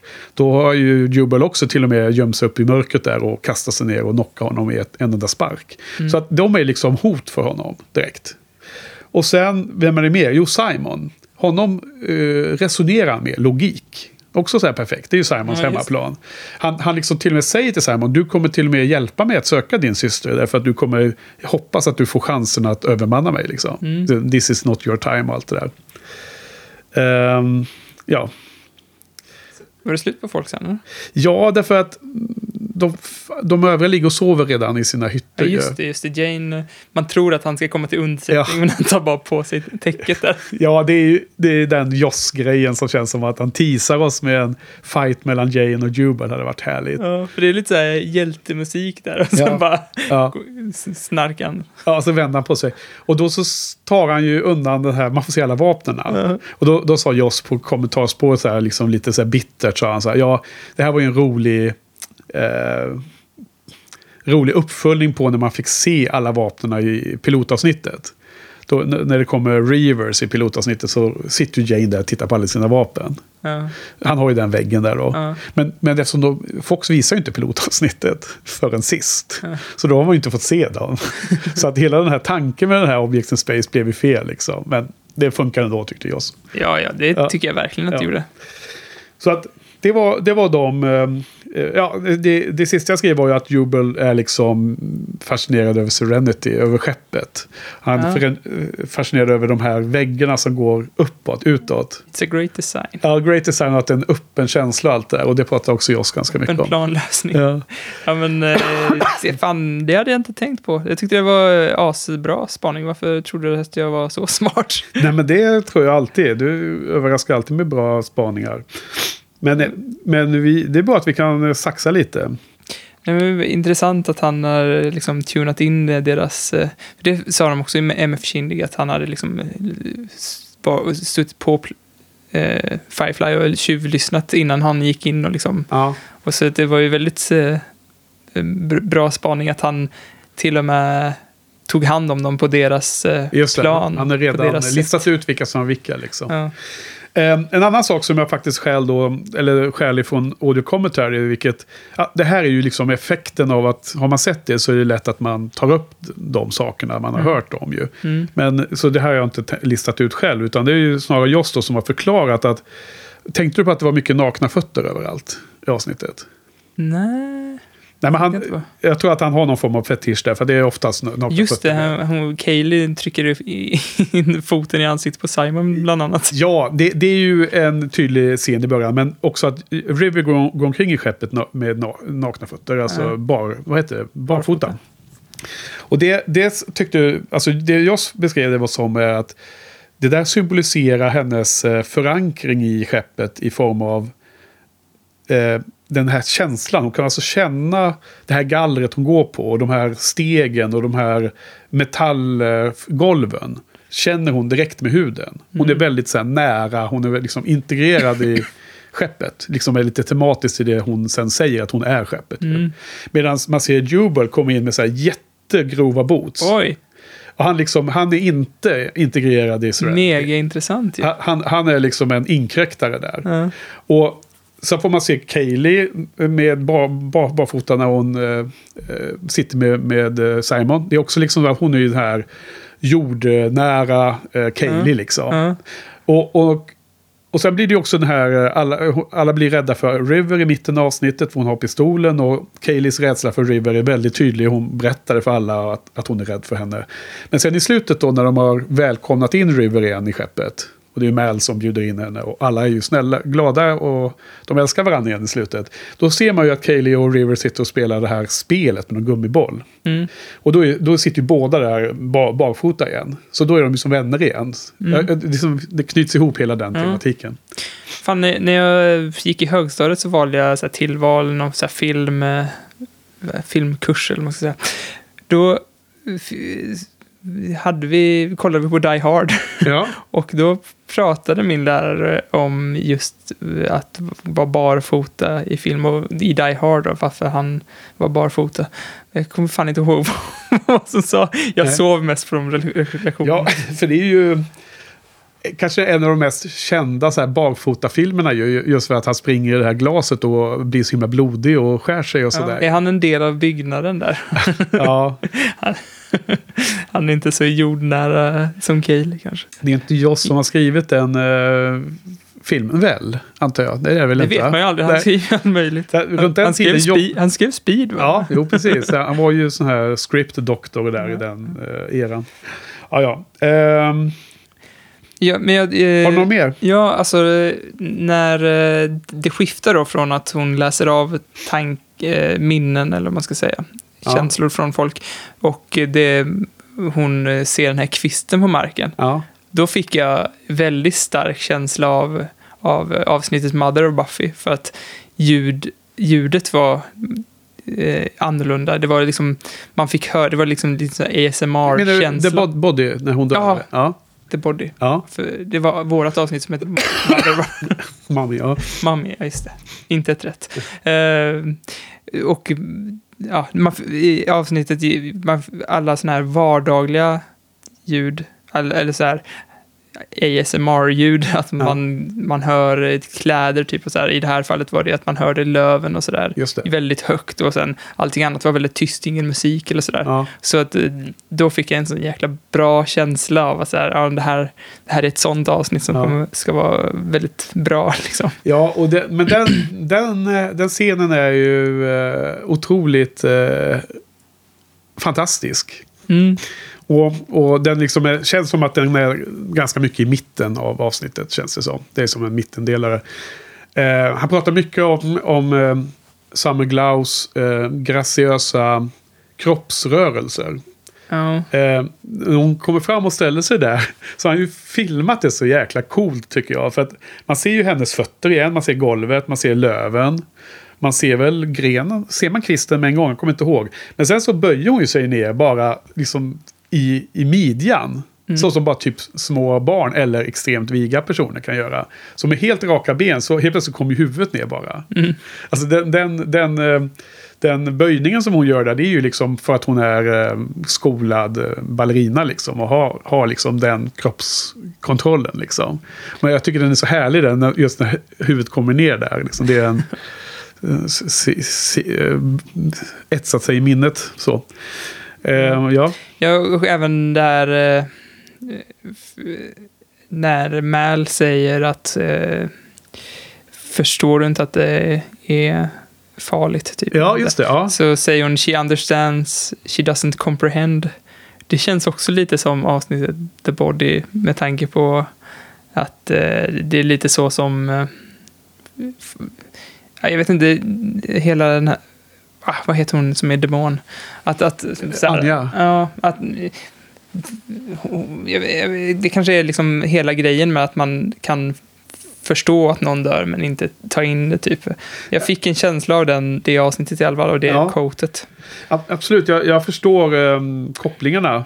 Eh, även om jag har, jag också skrivit upp det här, det här citatet. Och jag undrar så himla mycket vad, som, vad Joss har tänkt här egentligen. Hon säger alltså, she understands, she doesn't comprehend. Och så säger Mal en så här syrlig, ironisk kommentar om att ja, ja, det, det förklarar ju saken ungefär, säger han va? Mm, Och-. Fully loaded safety off. This here is a recipe for unpleasantness. Does she understand that? She understands. She doesn't comprehend. I'm glad we've made that distinction. No touching guns. För då undrar jag liksom, vad... Då har jag sökt på det. Betydelsen av understands och betydelsen av comprehend. För jag tänker att det är på samma sätt som vad har aloneness och loneliness. Som vi pratade om tidigare. Som jag är övertygad om har olika betydelser. Som betyder två olika saker. Precis det du beskrev. Men då visar det sig att jag, jag kan inte... Alltså de här... När man beskriver ett av de här orden så, så används det andra för att beskriva det första ordet. Och vice versa. Ja. Så de betyder samma sak. Och det är därför jag tror att Mal säger den här lustiga kommentaren. För nämligen det hon säger är bara gibberish, tror jag. Ja. Det, det, det är inte liksom en, en, en djupsinnig eh, nyansskillnad. Men jag, det jag tror att Joss menade med det Ja. citatet, eller det som man kanske sk- hade kunnat vara ett frö av mening, eller vad man ska Ja, säga, ja. är att hon förstår, förstår det liksom eh, Alltså kanske Praktiskt. Mer just men, men känslomässigt förstår Ja. hon det inte. Liksom. Just det. Det är nog så hon- menar, fast Mal fattar inte vad hon menar. Eh, nej, precis. Och sen eh, är det ju, eh, säger hon ju innan, it- it- it's just an object. För henne är det bara liksom, En ovanlig sak. Ja. Ja, så det, men det är ju bara vad, vad man sedan gör med det. Det är det som gör det till en pistol, liksom, det. antar jag. Ja, och för alla som då börjar ana att det finns någon form av intressant filosofi bakom det här så kan jag igen då tipsa om att höra på hela kommentarspåret och inte bara de här fragmenten som jag ger del av här i podden. För att han pratar mycket om just den här typen, vad, vad, vad det är för några saker han tänker på här, Joss. Mycket bra. Eh, så. Eh, ja, men det, det är en otroligt bra scen. Och sen har vi då en annan spaning. I slutet så är ju Kaylee modigast av alla. Därför mod är väl ändå att göra något när man är jätterädd för att göra det. Jag menar, det, det, det som Mal gör, han gör ju bara saker som, som han skulle göra vilken dag i veckan som helst. Liksom. Ja, för han är både lite självdestruktiv och kompetent. Ja, självdestruktiv kanske, och han framförallt är han en man of action. Liksom. Jag menar, han, han är ju inte en som sitter och väntar, ser vad som händer. Lyckas vi överleva nu? Mm. Medan Kaylee är ju en som liksom, är kvar på skeppet när de andra går ut och gör crime. Liksom. Och, och hon sitter där och hoppas att det går bra ungefär. Mm. Men så hon är ju helt livrädd för att agera här. Och eh, de gjorde ju också någon eh, ljudeffekt där då. Där när, när eh, River pratar över PA-systemet i hela, hela, båt, hela skeppet. Mm. Så låter det som att hennes röst är överallt. Mm. Liksom när hon pratar med Jubel och så. Men sen då för att visa för oss, eller göra det tydligt för oss att egentligen pratar hon via olika såna här små högtalare. Så ändrar de på ljudet när hon pratar med, med Kaylee. Då hör man att det är bara en lokal liten Mm. högtalare. För att det hon säger till Kaylee hör ju inte Jubel uppenbarligen. Då Mm. hade ju allting förstörts då. Så det är bra gjort tycker jag. Det är intressant. Eh, Alltså hur... Rent tekniskt så vet man ju inte riktigt hur det där går ihop. Då måste de ju använt sina psych powers för att prata genom de där högtalarna va? Eftersom man är på Jubels skepp. Ja, och samtidigt så satt han där uppe och lyssnade på dem som om man kunde höra liksom. Så det kan finnas någon jäkla teknisk manik som man liksom inte Ah, vet exakt hur den funkar. Ja. Och det är skitsamma tycker Joss för att det är bara teknik liksom. Mm. Det, det, man, man får bara anta att det finns en sån möjlighet att jacka in sig externt ifrån in i ljudsystemet liksom. Mm. Det, får man, det får man köpa. Um, avsnittsekonomi har jag skrivit här. Av, avsnittet är 42 minuter som vanligt. Och Jubel äntrar skeppet, kliver ner. Det sker efter 17 minuter Okej. in. Eh, just det, för då har, hon ju, då har hon ju hunnit eh, gå omkring och lyssna på alla. Så de, de har blivit arga på pistolen. Och, hon har, och de har haft sitt, de, har, har ju sitt rådslag och allting i köket där. Då, då är Jubel utanför fortfarande. Mm. Och sen när River säger att hon är skeppet, det sker efter 30 minuter. Så det har gått 13 minuter till då. Med allt det här med Simon och Jubel och allt det här. De har liksom gått omkring och letat och haft sig. Mm. Och sen är det då 12 minuter kvar. Ja, härligt. Sen en annan kommentar. Eh, Jubel som slickar på en balk där helt plötsligt. Va? Helt random. Vad tycker du om den scenen? Det kommer jag inte ens ihåg. Men det är precis i slutet eh, innan, eh, innan, eh, innan de går in i Inaras kö- köttel. Körtel. Körtel. Så går de över gången där mellan köttlarna. Och så stannar han bara och så helt plötsligt slickar han på den metallbalken där. Fan, missade jag. Missar ju det. Jag, jag tycker det är helt... Jag tror inte Joss nämnde något om det om jag kommer ihåg rätt. Men det, det kändes som att det var bara något som skådisen hittade på liksom. ja. Ja. Sen då, allra sista grejen när han flyger iväg där. Får du en liten vibb av Gravity där när han, när han mm. Mm. Jubel över Early roterande åker ut i rymden. Ja, det är fan eh, stor jävla... Alltså, snacka om att... För, för man har ju fortfarande... Man har ju redan lite ångest över att serien ska avslutas och sen den största ångesten är ju att bara åka rakt ut i rymden liksom, utan Ja. att liksom... Inte kunna rädda sig. Men Det, skulle man inte gissa att han ändå skulle klara sig? Eller vad tror du? Om det hade varit en lång serie. ja. Alltså det, så här bra karaktär kan ju inte bara vara med ett, ett avsnitt med. nej, nej, det tror jag verkligen inte att han... Jag tror, tror de pratade om det i MS, MF Kindig, att eh, han kanske är med i någon serietidning eller något sånt där. Jag för mig att de sa att han Jaha, inte dog. jag har ju inte läst precis alla så att jag har inte koll på det heller. Eh, Jag vet, de sa någonting om, det kan ha varit så att de bara tolkade det som att, precis som vi, att han var för bra karaktär och hade de inte, han räknade ut oddsen för att han ska överleva Ja. och om, man, om din tanken var att han inte skulle överleva så hade de inte haft den scenen där de ska räkna ut oddsen. Just det. det är lite avslöjande.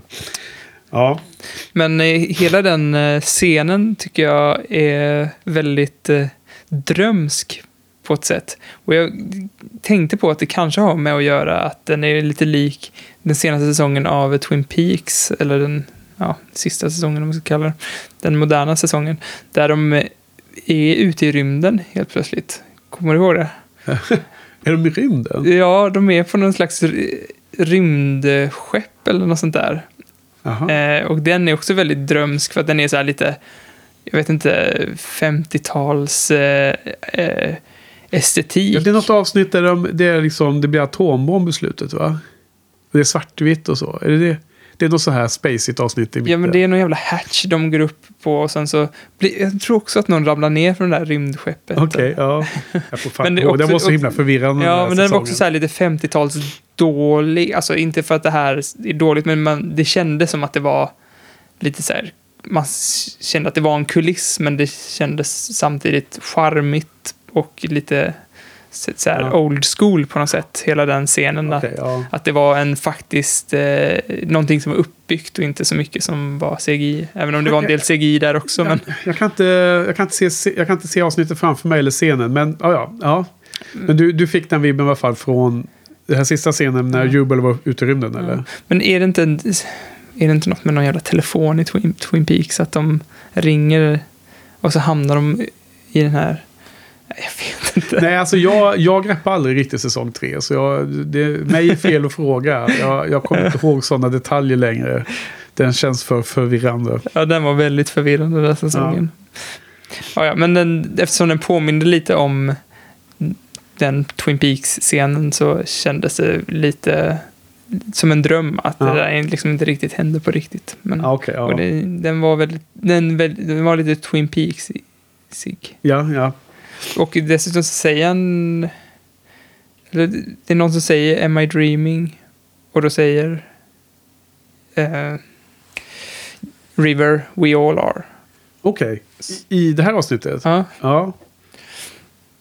men jag vet inte ifall det egentligen betyder någonting. Men det, Jag kommer inte ihåg den heller. Det, ja, eh, Jubel säger ju det mesta roliga grejen i alla fall.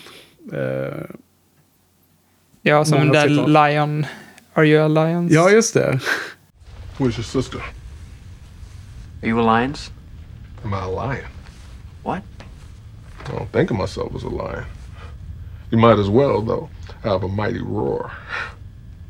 I said alliance. Oh, I thought. No, I was. That's weird.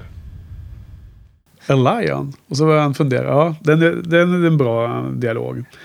Och när, när, Ju, när han har pratat med River och hon börjar fnittra lite hysteriskt i slutet på deras dialog. När hon är...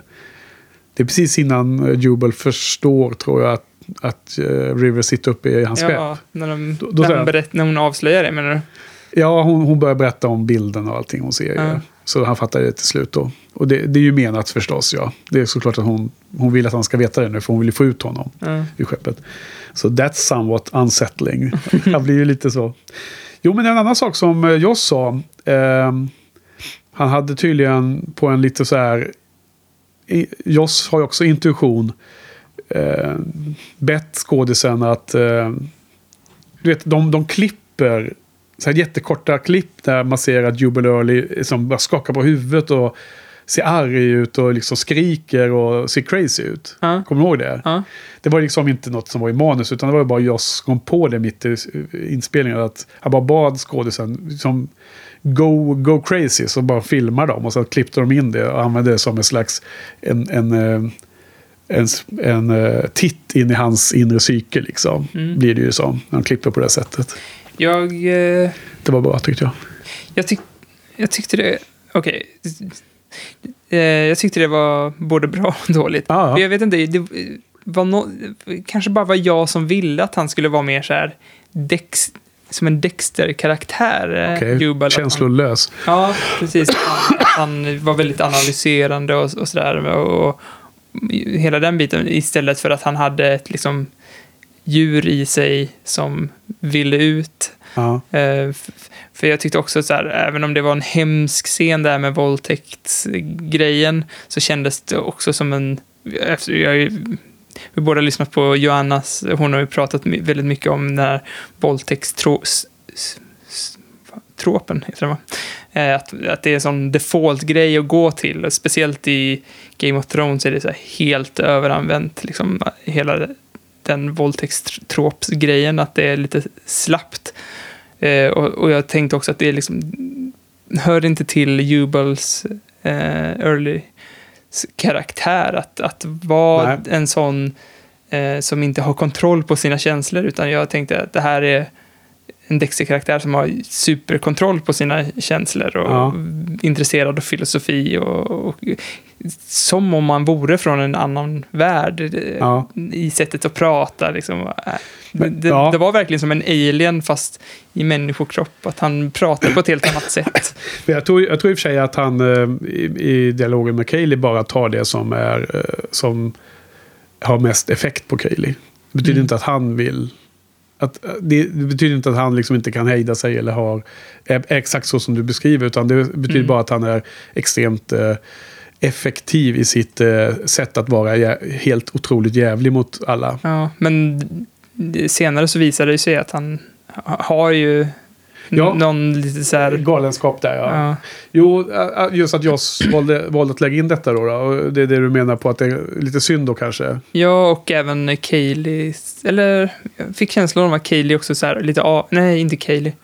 Eh, eh, River avslöjar honom. eh, Ja, precis. För, att, för jag, jag tror att det jag tolkar från det här som nu Joss väldigt sent valde att lägga in var ju lite att River kommer in under huden på honom på ett sätt som, som väldigt få andra har gjort på väldigt länge. Mm. Hon ser igenom honom, hon ser hans hemlisar på samma sätt som hon såg andras hemlisar tidigare i avsnittet. Ja. Och hon vet liksom hans mörka sida, hans, eller hans, eh, hans sida som han skäms för. Den, den sidan som han inte vill vetas med, för han vill vara den där Dexter, den där kalla... Eh, Den kalla mördaren. Ja, liksom som är eh, analytisk och sådär, gissar jag. Mm. Alltså som är kontrollerad. Det, det var nästan som att han sa att jag, jag har kontroll på mig själv, men hon kunde liksom avslöja honom att det fanns en...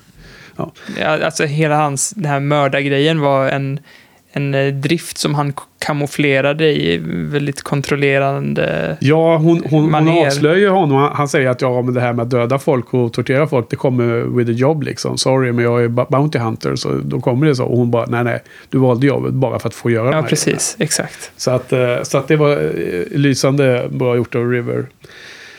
På tal om Summer Glau så, så berättar Joss en annan rolig grej i kommentarspåret. Att Eh, man, man får se en scen när hon, eh, på sin lilla odyssé genom skeppet så går hon in i köket och jag tror att det är då när hon ska...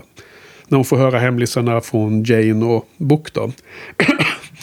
då går hon ner för trappan som eh, en ballerina går ner typ. Hon rör sig väldigt lustigt. Det hade ju inte Joss regisserat. Det, det upptäckte han först efter de har spelat in det. Och han bara älskade det, att hon gjorde det ändå liksom. In, in character. Varje gång vi pratar om att hon är dansare. Ja. Så, Så eller, hatar folk oss. nej, så tänker jag på en, eh, ett poddavsnitt med, från Slashfilm där Jaha. Dave har varit och sett eh, Ex-Machina med, vad heter hon, eh, svenska tjejen? Eh, ja. Ja, Ah, som spelar Tomb Raider också. Alicia Vikander. Just Ja. det, Alicia Vikan- Vikander. Då hade, eh, när han gått ut för film, hade det kommit fram en tant till Dave och sagt She's a dancer. Jag tänker Ja. att, att, att Joss och du är också så här lika fascinerade. Så här. Men, är det ens sant då? Är, är hon det ens? Eller Vikander? Ja, Ja, hon är det? jag tror det. Okej, okej. okej. Ja, ja nej, men den, den filmen är ju också fantastisk. Och där är hon ju verkligen eh, härlig, Vikander. Det är ju det är ju som Alltså, häftigaste hon är filmen ju med henne. svinbra. Hon är ju det bästa med Tomb Raider som är en skitfilm. Ja, jag, jag har inte sett den. Alltså. Det behöver du inte.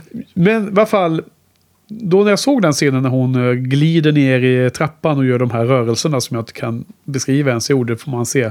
Då lade jag märke till en annan ganska rolig grej som eh, vi har kunnat se i alla avsnitt hittills tror jag.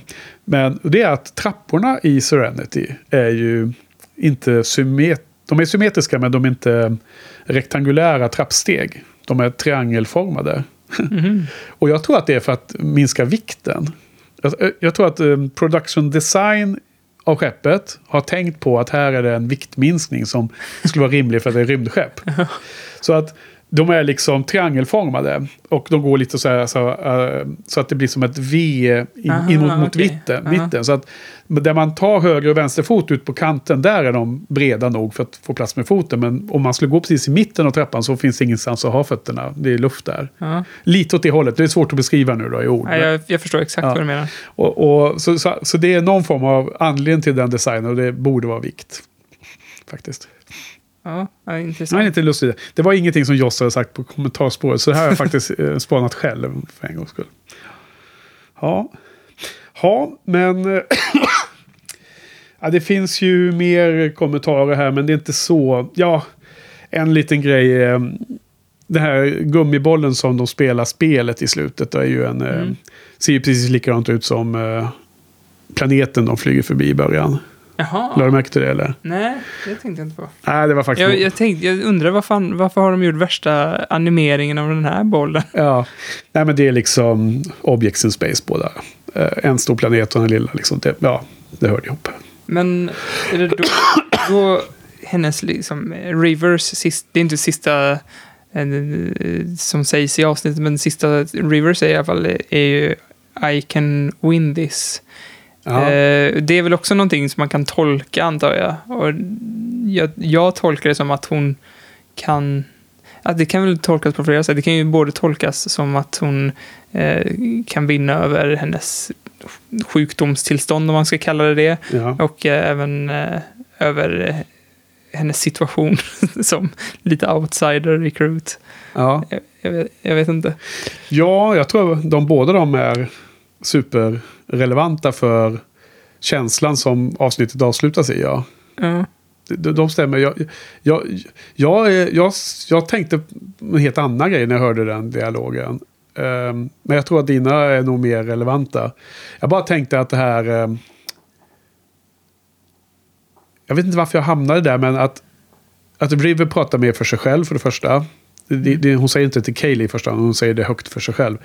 Jag kan vinna det här, punkt, punkt, punkt. Men jag tror att hon väljer att inte vinna mot Kaylee. Jag tror att hon kan vinna på samma sätt som hon kunde ta upp en pistol i Niskas komplex, blunda och sen skjuta tre gubbar. Bara för att hon har tittat, hon har liksom analyserat exakt hur det ser ut. Mm. Och hon har det i sin brain capacity som är så himla hyperduktig hjärna liksom. Mm. Så kan hon göra den de rörelserna som krävs. Mm. Samma sätt kan hon vinna här nu. Men då skulle hon ju liksom skrämma Kaylee igen. Liksom. För, för, för Ja, Kaylee säger, säger att hon ska vinna. Ja. För hon har något bättre läge eller vad det är. Jag vet inte ens vilket spel de spelar. Nej, det var nog påhittat det med. Ja. Men ja, fan, jag, tror, jag tror att eh, det lät som att Joss nämnde det vid namn som om det fanns. Liksom. Ah, Skitsamma.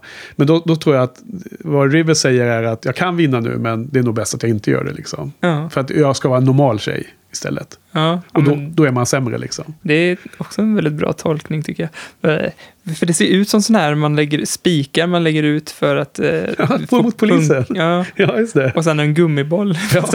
Mycket oklart. Ja. Ja. Ja, eh, En annan lite rolig... eh, alltså det här permission to come on board är ju så fint. Permission to come aboard? You know, you ain't quite right. It's the popular theory. Go on, get in there. Give your brother a thrashing for messing up your plan. He takes so much looking after. Alltså jag, jag, jag tycker det. Först när hon... eh, Först när, när River säger att hon ska bli Jubals Bounty och just fade away. Eh, Det är otroligt sorgligt. Och sen är det så fint när hon får komma tillbaka. Ty, tycker jag. Alltså, blir du berörd av den här scenen? eh, jag tycker det är den bästa scenen i avsnittet. Mm. Det tyckte de på MF Kindig också, Ja. kan jag avslöja. Eller någon tyckte det i alla fall. Men ja, hon är så jäkla charmig, eh, River där. Ja. Och eh, så jäkla härligt att eh, hon har också gått från att man stör sig väldigt mycket på henne till att man verkligen tycker om henne. Ja. Och här är det också att det är lite så här familjär eller familjeaktig banter mellan Mal och henne. Att, att det är Simon som är den jobbiga som man måste hålla reda på. Och sådär. precis. Som är det svåra att sköta. Ja. Ja. ja. Okej. Nej, men vad fasen var bra. Eh, superintressant diskussion. Jag tror att det finns... Det här är verkligen ett härligt avsnitt för det finns så mycket att ta tag i. Så mycket att fundera på. Så många... Alltså nästan varenda liten scen finns det intressanta eh, saker man kan fundera på. Mm. Så det är jättekul ju, eh, när man är intresserad av att analysera sönder avsnitt som vi gör. Ja, och det är ju inte heller fattigt på så här eh, jossiga quips, sånt som man också så här missar första gången man Nej. ser det. Så här, varje gång man ser det så lägger man märke till en ny quip som någon säger. Ja, och absolut. Och Jag, menar, jag, jag är ju... Du är antagligen trött på det nu, men du vet att jag är lite, har alltid varit lite förtjust i relationen mellan Mäl och Inara. Och nu var det en liten, liten superliten detalj som jag lade märke till för första gången. Som, första gången tror jag att jag såg det. Och det är, liksom, det är den här allra sista scenen mellan dem, när de står där i någon dörröppning av något slag efter det har blivit bra allting. Och då så, eh, då har ju Jubal slått eh, Ja. till Inara, så hon har ju en blodig läpp där va? Kommer du ihåg den scenen? Och man ser att Mal sträcker sig fram för att liksom röra vid hennes läpp. Ja. Och hon liksom slår undan handen. Och båda håller på med sina händer, precis, precis som att de med liksom teckenspråk försöker släta över att de råkade nästan röra vid varandra. Vilket är liksom också så här over the, the top i att de inte kan komma till skott liksom. Och eh, anfalla varandra med, med kyssar liksom. Ja, jag tänkte faktiskt på dig och himlade med ögonen när jag såg det. Ja, du gjorde det. Ja. Jag sätter på Russian Do- Doll också. Eh, hon... eh, vet du vad det är för serie? Nej. Det är, Nej. det är en Netflix-serie som Är jag hon med där? Vad sa du? Är vem, någon med där? Nej, men det, hon är från eh, Orange is the new black som är så jävla bra. Där är med här. Eh, Skitbra serie för övrigt. Eh, Mata Ja. hela veckan-tema. Men hon säger som ett, nej, som ett svar istället för liksom himla med ögonen så säger hon himla med ögonen. Ja, du får börja med det. Ja. Ja, ja. Nej, jag vet. Jag lite blödig där. Men det, det är kul att se sådana små... um, eh, skådespelarnas eh, karisma liksom tar över och eh, det blir en härlig liten scen. Och man lägger inte ens märke till det förrän man har sett det här jäkla avsnittet för femte gången. Liksom. Ja, och eh, negativt är inte så mycket faktiskt. Jag tycker det är, eh, jag tycker det bara är bra grejer. Jag har, det är ingenting som jag stör mig på eller tycker att det liksom skaver eller känns eh, dåligt. Vad har du mer? Några fler härliga spaningar? Jag har bara en massa små grejer. Shoot! Eh, ja, en sak som har lite med dig att göra. Du pratar ju om att, eh, att man kan se när man kan se skådespelaren bakom. Att det Just här, det. Ja, Man ser riktiga skådespelaren. det bryter igenom Ja, liksom. precis. Och det, det fanns en scen där jag tyckte jag såg att, att The Wash bröt igenom lite. Och det är när eh, Jane säger Is she a witch? Och eh, Wash säger Yes Jane, she's a, she's a witch. Och sen Ja. någonting om Congress. Och sen, Ja. så sen Is she in Congress? Och sen så säger Wash How do you even uh, learn human speech? Ja, Eller ja. sånt. Och då kändes det som att Wash eh, blev eh, skådespelaren och Alan skrattade. Alan Tudyk sk- Ja. skrattade åt hela situationen där. Ja, alltså, jag, det enda jag har skrivit i mina notes angående dem, det är att i hela den scenen då, som egentligen är en ganska allvarlig scen när de diskuterar Rivers eh, existens på skeppet, så är Wash och Jane roliga hela tiden tycker jag mest. Ja, ja. De, de, står för humorn där, helt klart. Ja, och Inara blir irriterad på dem för att Ja. de inte är seriösa i den Ja, situationen precis. också. Hon är, Så det, hon är lite det är mammig där. Ja, verkligen där som en familj. Och eh, ja, samma scen också så är ja, den scenen är massa bra grejer där alltså. Ja. Men eh, eh, Wash säger Psychic is like a sci- science fiction. Ja, just det. Det, det är bra. That sounds like something out of science fiction. Och you- live in a, on a spaceship there. Och han har så klockrent svar på det. är bara, so, för Ja. honom är det så här, det Ja, är inte sci-fi, det är våran värld. Det var en värld, men det finns också science fiction i deras värld. Ja. Vilket är så kul. Det är, det är som att de, som att eh, um, Zoe bröt fjärde väggen, men Wash gjorde inte det. Nej, han liksom. tog tillbaka henne. Ja. Ja, Det var också jä- jäkla...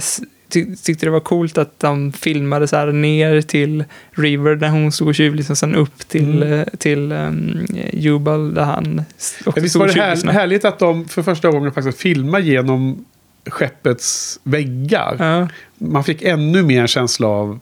Alltså skeppet har ju en så viktig roll också det här sista avsnittet. ja, verkligen. Vilket är så härligt att alla, alla tio får vara med. Den, Ja, den och fick liksom- karaktären är ju Serenity. Fick en röst genom River också. Precis. Verkligen personifieras. Ja. Och att det är liksom Jubel är lite på gränsen till att nästan undra om det är sant liksom. Ja. Och Och, där, Men att, att Joss eh, sa att... En, får, får, jag, dra ytterligare en grej från kommentarspåret då? Trots att det är tråkigt kanske. Eller är det tråkigt? Det kanske, är, det kanske inte är tråkigt. Att, kanske inte är tråkigt. nej, att referera, Tänk så istället. referera till Joss borde vara bra. Nej, men att han sa att det här skulle ändå komma hyfsat tidigt i en lång serie. Man pratar om många säsonger. Ja. Så att eh, åskådarna då vet ju inte riktigt hur mycket science fiction, fiction det är. Så att man ska fortfarande inte riktigt veta om, om är det så mycket science fiction så att det här är helt galna att hon, att hon kan liksom in, bli skeppet. Skulle det vara, ingå i den här världens eh, möjligheter? Mm.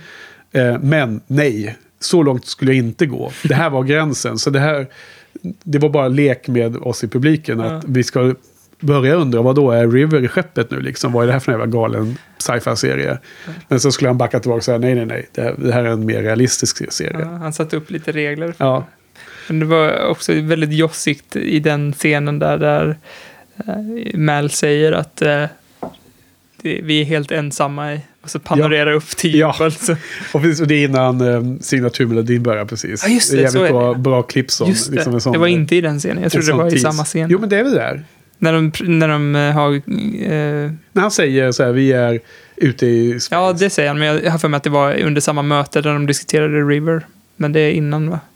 Eller jag vet inte. Nej, det är kanske jag som blandar ihop. Jag vet inte. Men det är i alla fall en bra klippning där när Ja. Interceptor dyker upp. Väldigt jossig klippning. Ja, precis. Och vad säger han? Corner of no and where.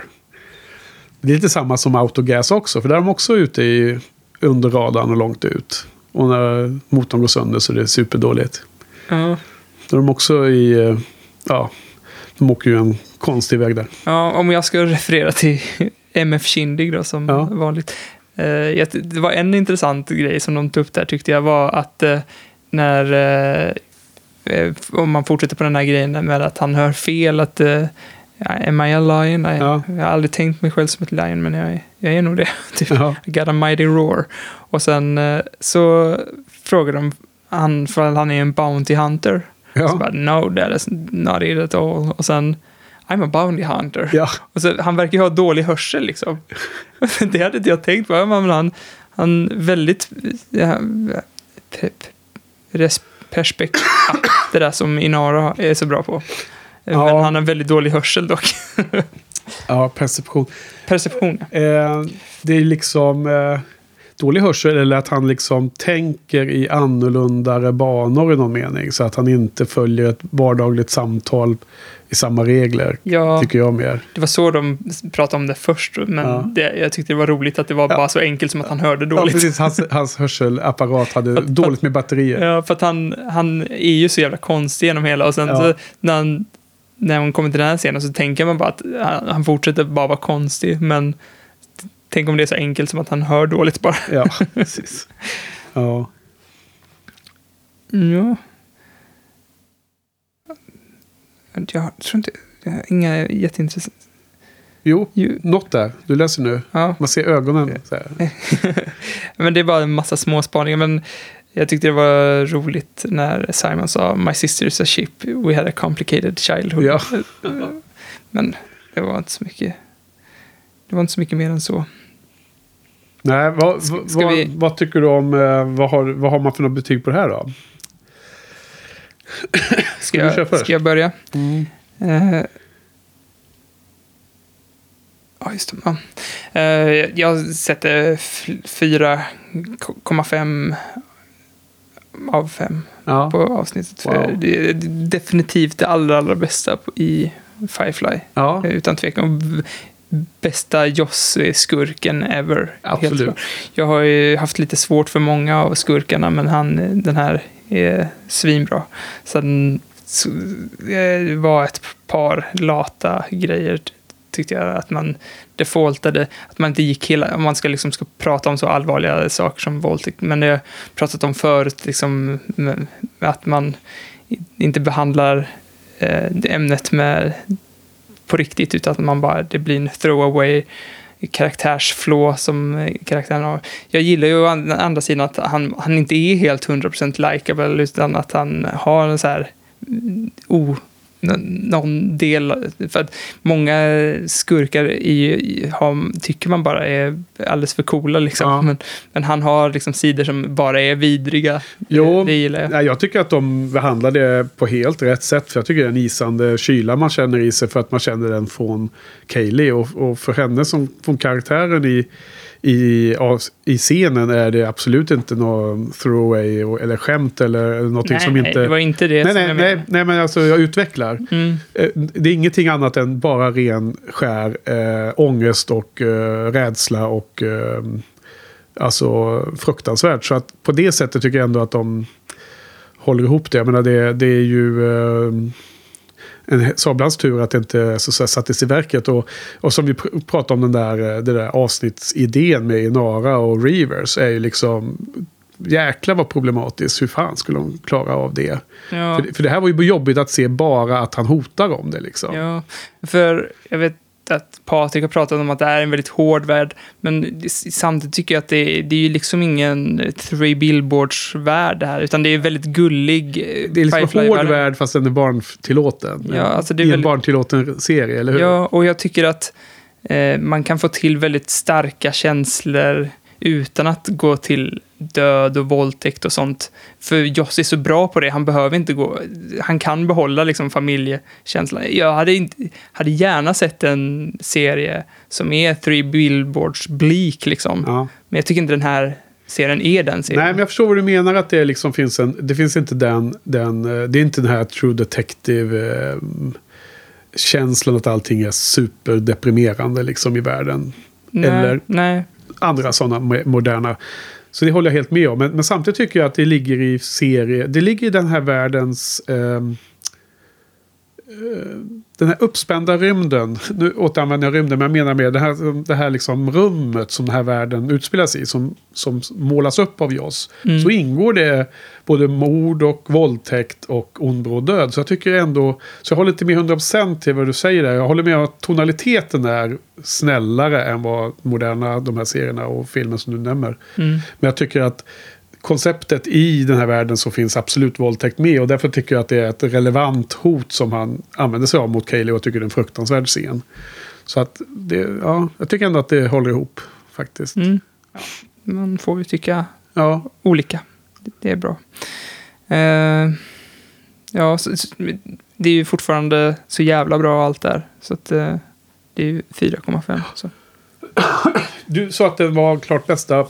Eh, hur var det? Var, du var inte, alltså Out of Gas då? Hur, hur ställer du det här jämfört med Out of Gas? Är det, eh, Det var väl jag kommer inte ihåg. fyra kanske, out of gas. Ja, det kan sä- säkert stämma.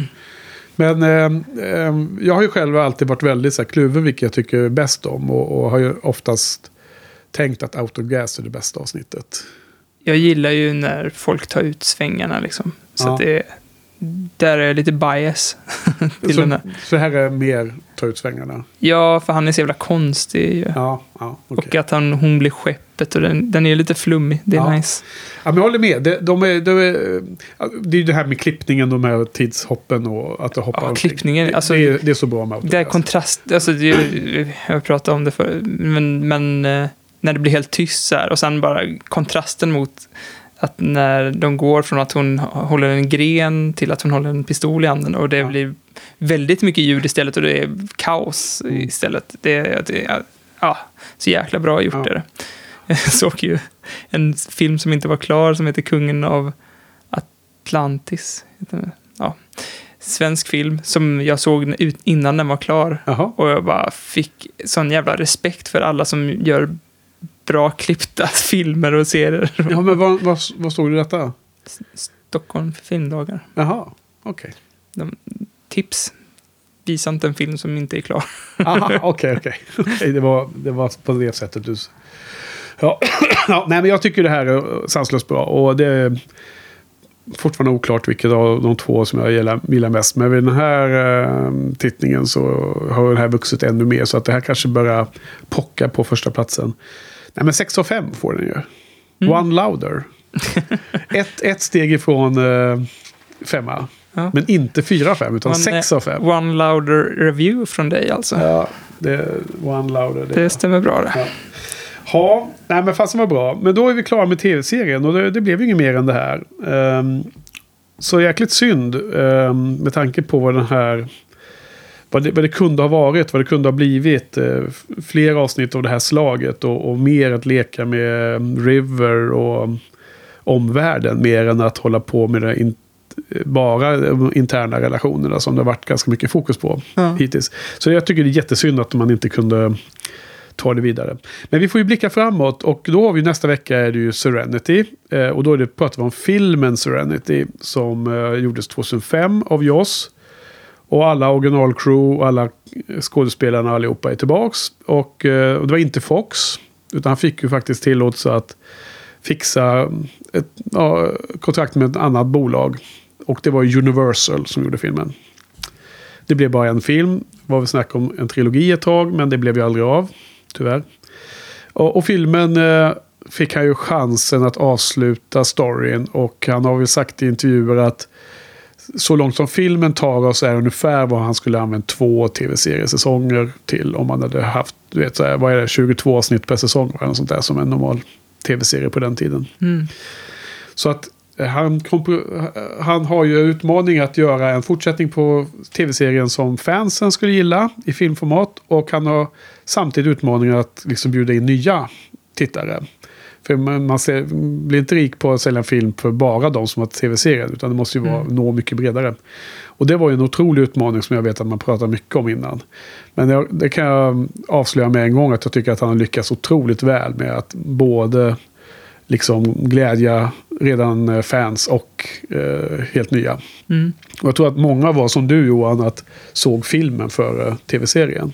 Ja, och jag tror ju han jag fick tips om att se den serien, han började ju kolla på serien tack vare Filmen. filmen. Ja, precis.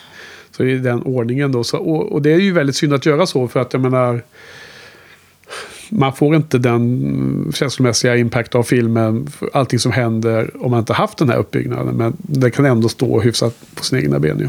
Mm. mm. Men då får vi komma till den då. Då blir det väl ett antagligen ett lite långt avsnitt nästa vecka också då. För att det är ju en två, två timmars film som är så jäkla intensiv alltså.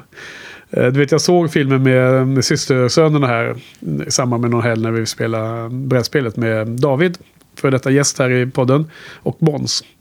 Och alltså man slås ju av hur jäkla kompakt filmen är. Alltså hur mycket info det är.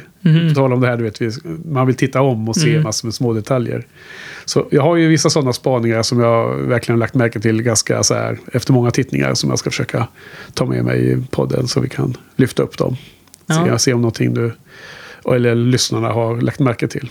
Ja, jag för mig att du har pratat eh, om lite sådana spaningar förut, så jag ska försöka Ja. hålla utkik efter dem. Jag kanske ska um, sp- spoila dem för dig nu eller för att du ska se dem eller ska vi vänta med det tills efter? Eh, Jag kan vänta med det tills efter jag sett den första gången. Ja, ja, ja. Okej, men då är vi klara för idag va? Ja, Eller har vi något mer? Jag tror att det är bra, va? Ska hålla oss uh, under. Vi får hålla det kort. Ja, vi måste hålla det kort idag. ja, det är så sent här nu. Ja, men rösten har hållit ganska bra ändå. Det har varit lite så här... Um, Inga hostattacker. jo, lite hostat lite så här åt, åt sidan. och Ja. försökt vända mig bortåt så att um, uh, inte terrorisera Lean lyssnarna. away from the mic. Ja. Precis. Men det har väl gått hyfsat bra. Men nu känner jag att rösten börjar snart eh, ta slut för ikväll. Så att det, det blir nog bra nu. Så tack Johan. Tack Henke. Ja, men tack Joss. Och tack, Tack för oss. It's okay, Early. I'm going with you. River, what do you. Don't belong. Dangerous, like you. Can't be controlled. Can't be trusted. Everyone could just go on without me and not have to worry. People could be what they wanted to be. Could be with the people they wanted.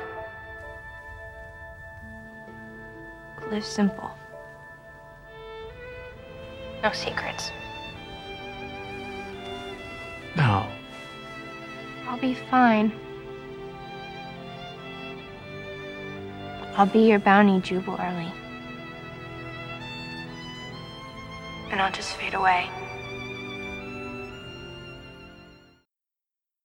Take my love, take my land, take me where I cannot stand. I don't care, I'm still free. You can't take the sky from me. Take me out to the black, tell them I ain't coming back. Burn the land can't take the sky from me.